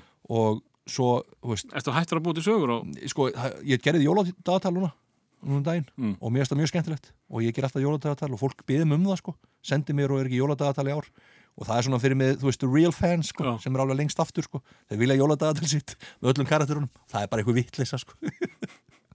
En, en eh, þú, þú ætlar sem sagt að hætta að vinna 45, Já. eh, næstu því eh, á 50 aldri. Mhm. en, Komdu aftur, komdu aftur fram en hérna, úst, er, er, er þetta planið? Ætlar, ætlar að bara stefna á að, að verða, verða skemmt ykkur áttur?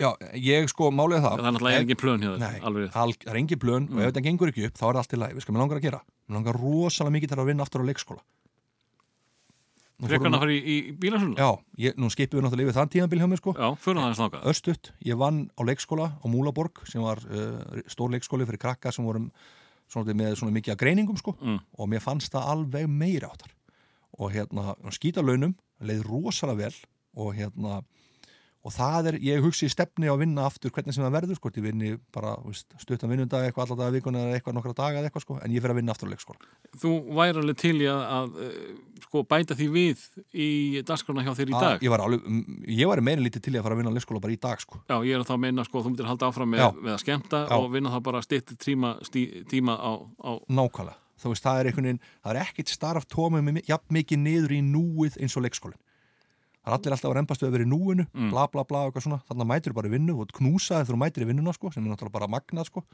knúsaðir, ertu knúsaðir hérna á hvernig degi? ekki náðan byggja. ekki nógu mikið Andri gerir það svolítið, já, já, já, já. en þar meira upptalið. Sko.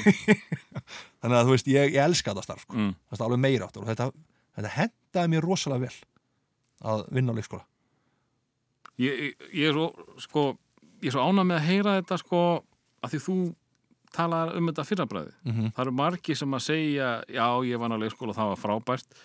Þannig að þú að, sem sagt, að- að brytta upp á þessu sjálfur. já, Ég er ekkert vissum að margir, eh, náttúrulega, launin eru hræðileg. ræðileg Eh, Það er kannski megin ástæð fyrir því að það er ekkert margir endilega að tala um það fyrrabræði að þeir væru rosalega til í að nei, nei, fara að vinna á, á, á leikskóla. nei, nei. Það er svona, er ég mjög ánægð með að þú skulir minnast á þetta að fyrrabræði sem einhvers konar draum að vinna í framtíðin. Ja, þetta er það og ég segi við alla krakka sem veit ekki hvað það er í dag og veit ekki hvað það að gera, fara að vinna á leikskóla besta sko, bara að þú lærir uppbyldi batna ég fór alltaf seint að vinna á leikskóla á 2013, dætu mínar það eru hann svo gamla sko, ég hefði viljað vita fullt af hlutum Mm. hvernig ég átt að gera alls konar hluti þegar ég, út, ég lærði svo mikið að vinna á leikskóla með krakka og hérna, og ég get sagt þér að svo sem magnað, ég var að vinna á þessum Múlaborg 2013 og það var strákur núna sem hafði sambandum á Instagram sendið mér skilbað, blessaður, mannst þetta mér þú varst að passa mig á leikskólanum Múlaborg og ég var bara, þetta er magnað, sko, þetta var lögskvöldi ég var heima og var að sína konun þetta, sko og ég var að segja, þú veist, þetta er drengur sem var með á leikskólan hann er 12 ára gammal í dag, sko Mm. og ég hugsa alltaf til þess að krakka sem voru með mér, sko, voru þarna því enn og aftur fannst mér eins og, þú veist, svona þessi krakkar átt að koma inn í líf mitt á þessum tíma, sko, mér finnst öll snillingar Mm. Þú veist, ég hef þá tilfinningu, þetta voru allt einhverju algjöru meistara sko. Þú veist, það er svona og það, það er svona einhvern veginn, þú veist það er svo gaman að geta haft góð áhrif á, á ykkur sko. En Þú ferð sem sagt uh, 12 ár sem bílasta- bílasali, já, ferða að selja auglýsingar á netmiðla já, og þaðan yfir í já, leikskóla. leikskóla fyrsta vika mín á leikskóla, hann leist mér ekkert á það sko. Það ekki? Nei, bara læti og mér bara fannst það óþægilegt Þú veist, það skrítið, það var ekotengt líka Já, Þú veist, það að ekki. bílasalinn, svona, þessi mikli bílasalinn með þessi miklu tekjur og business hjálma sem var þá sko, Varstu, varstu smeyku að hitta gamla kúna? hitti gamlan kuna, fyrsta, fyrsta daginn hitti ég gamlan kuna Mm. og sagði, "Ba- hvað, þú hérna? Þú Veist, þetta var svona, svona skrítið allt sko Já, því, svona, Það þá fannst þetta ekki vera töf. Nei, finnst það vera fall, Já, bara svona hvað er að gerast sko Svo held ég að liði, já, ekki vika, það var þrý, fjóri dagar jafnvel sko Svo bara, ég var bara mánudeginum, aldrei hlakka ég jafn mikið til að mæti vinnu Ekki einn dag sem ég langaði ekki í vinnuna þegar ég var að vinna á leikskóla Það var ekki einn dagur og mér langaði oft ekkit að fara strax heim sko Ég var aldrei upplifa þetta í neittni vinnu sko Þú þú veist, það var gaman á bílasölu þegar hún var sko, en það kom oft dagar sem voru hundleðilegt og hunderfið sko. Mm. og það var einhvern veginn ekki þarna á leikskóla þú voru erfiði dagar, það var alltaf skemmtilegt sko.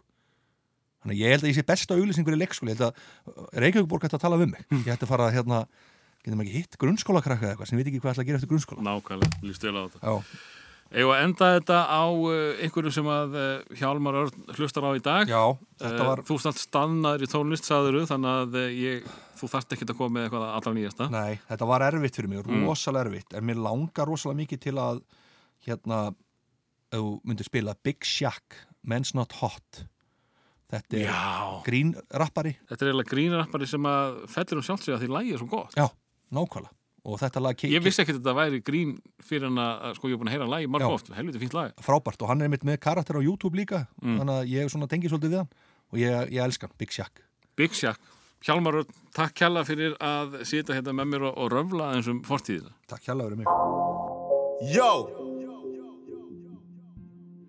Big Shaq, the one and only. Man's not hot. Never hot. Skra! Skitty cat cat. Boom! Two plus two is four. Minus one, that's three. Quick maths. Everyday man's on the block. Smoke trees. See your girl in the park. But that girl was a uckers. When the ting went quack, quack, quack, you man were ducking. Hold tight, Asni, my brother. He's got a pumpy, big ting. Hold tight, my man, my guy. He's got a frisbee. I trap, trap, trap on the phone. Moving that cornflakes. Rice Krispies. Whole time I get Whitney. On, on, on, on the road doing ten toes. Like my toes. Like my toes. You man thought I froze. I see a pen girl on a post. Chilling. If she ain't on it, I ghost. Ha! Look at your nose. Check your nose, man. You donut. Nose long like garden hose. I tell a man's not hot. I tell a man's not hot. The girl told me, take off your jacket. I said, babe, man's not hot. Never hot. I tell a man's not hot. Never hot. I tell a man's not hot. Never hot. The girl told me, take off your jacket. I said, babe, man's not hot. Never hot. Hop out the four door with the 440 it was one, two, three, and four. Us man. Chilling in the corridor. Yo. Your dad is 44. And he's still calling man for a draw. Look at him. Look at him. Let him know. When I see him, I'm gonna spin his jaw. Finish. Take man's Twix by force. Take it. Send man's shot by force. Send it. Your girl knows I've got the sauce. Flexing. No ketchup. None. Just sauce. Saucy. Raw sauce. Uh. Yo. Boom. Ah. The ting goes. grrrr. Ah. Ba, ba, ka, ka, ka, ka. Skitty kick. Ba, ba, ba. And the pop pop. grrrr. Boom. Boom. Boom. Skia. Ah. Do, do, ko, ko, do, doom. Doom. Boom. Boom. You done know. I tell a man's not hot, man's not. I tell a man's not hot, never hot. The girl told me take off your jacket. I said, babe, man's not hot, never hot. I tell a man's not hot. I tell a man's not hot, never hot. The girl told me take off your jacket. I said, babe, man's not hot. Man can never be hot, never hot. Perspiration ting, spray that. Links effects, come on. you didn't hear me, did you? Nah. Use roll on, use that, or spray. Shh. But either way, A, B, C, D. Alphabet ting. The ting goes. grrrr, ah, pa, pa, ka, ka, ka, ka, Skitty kick, pa, pa, pa, and the pop, pop, grrrr, boom, boom, boom. Skia, ah, do, do, ko, ko, do, doom, doom, boom, boom. You done know. Big shot. Man's not hot. I tell a man's not hot, never hot. 40 degrees and man's not hot. Come on, yo. Ah, In the sauna, man's not hot, never hot. Yeah.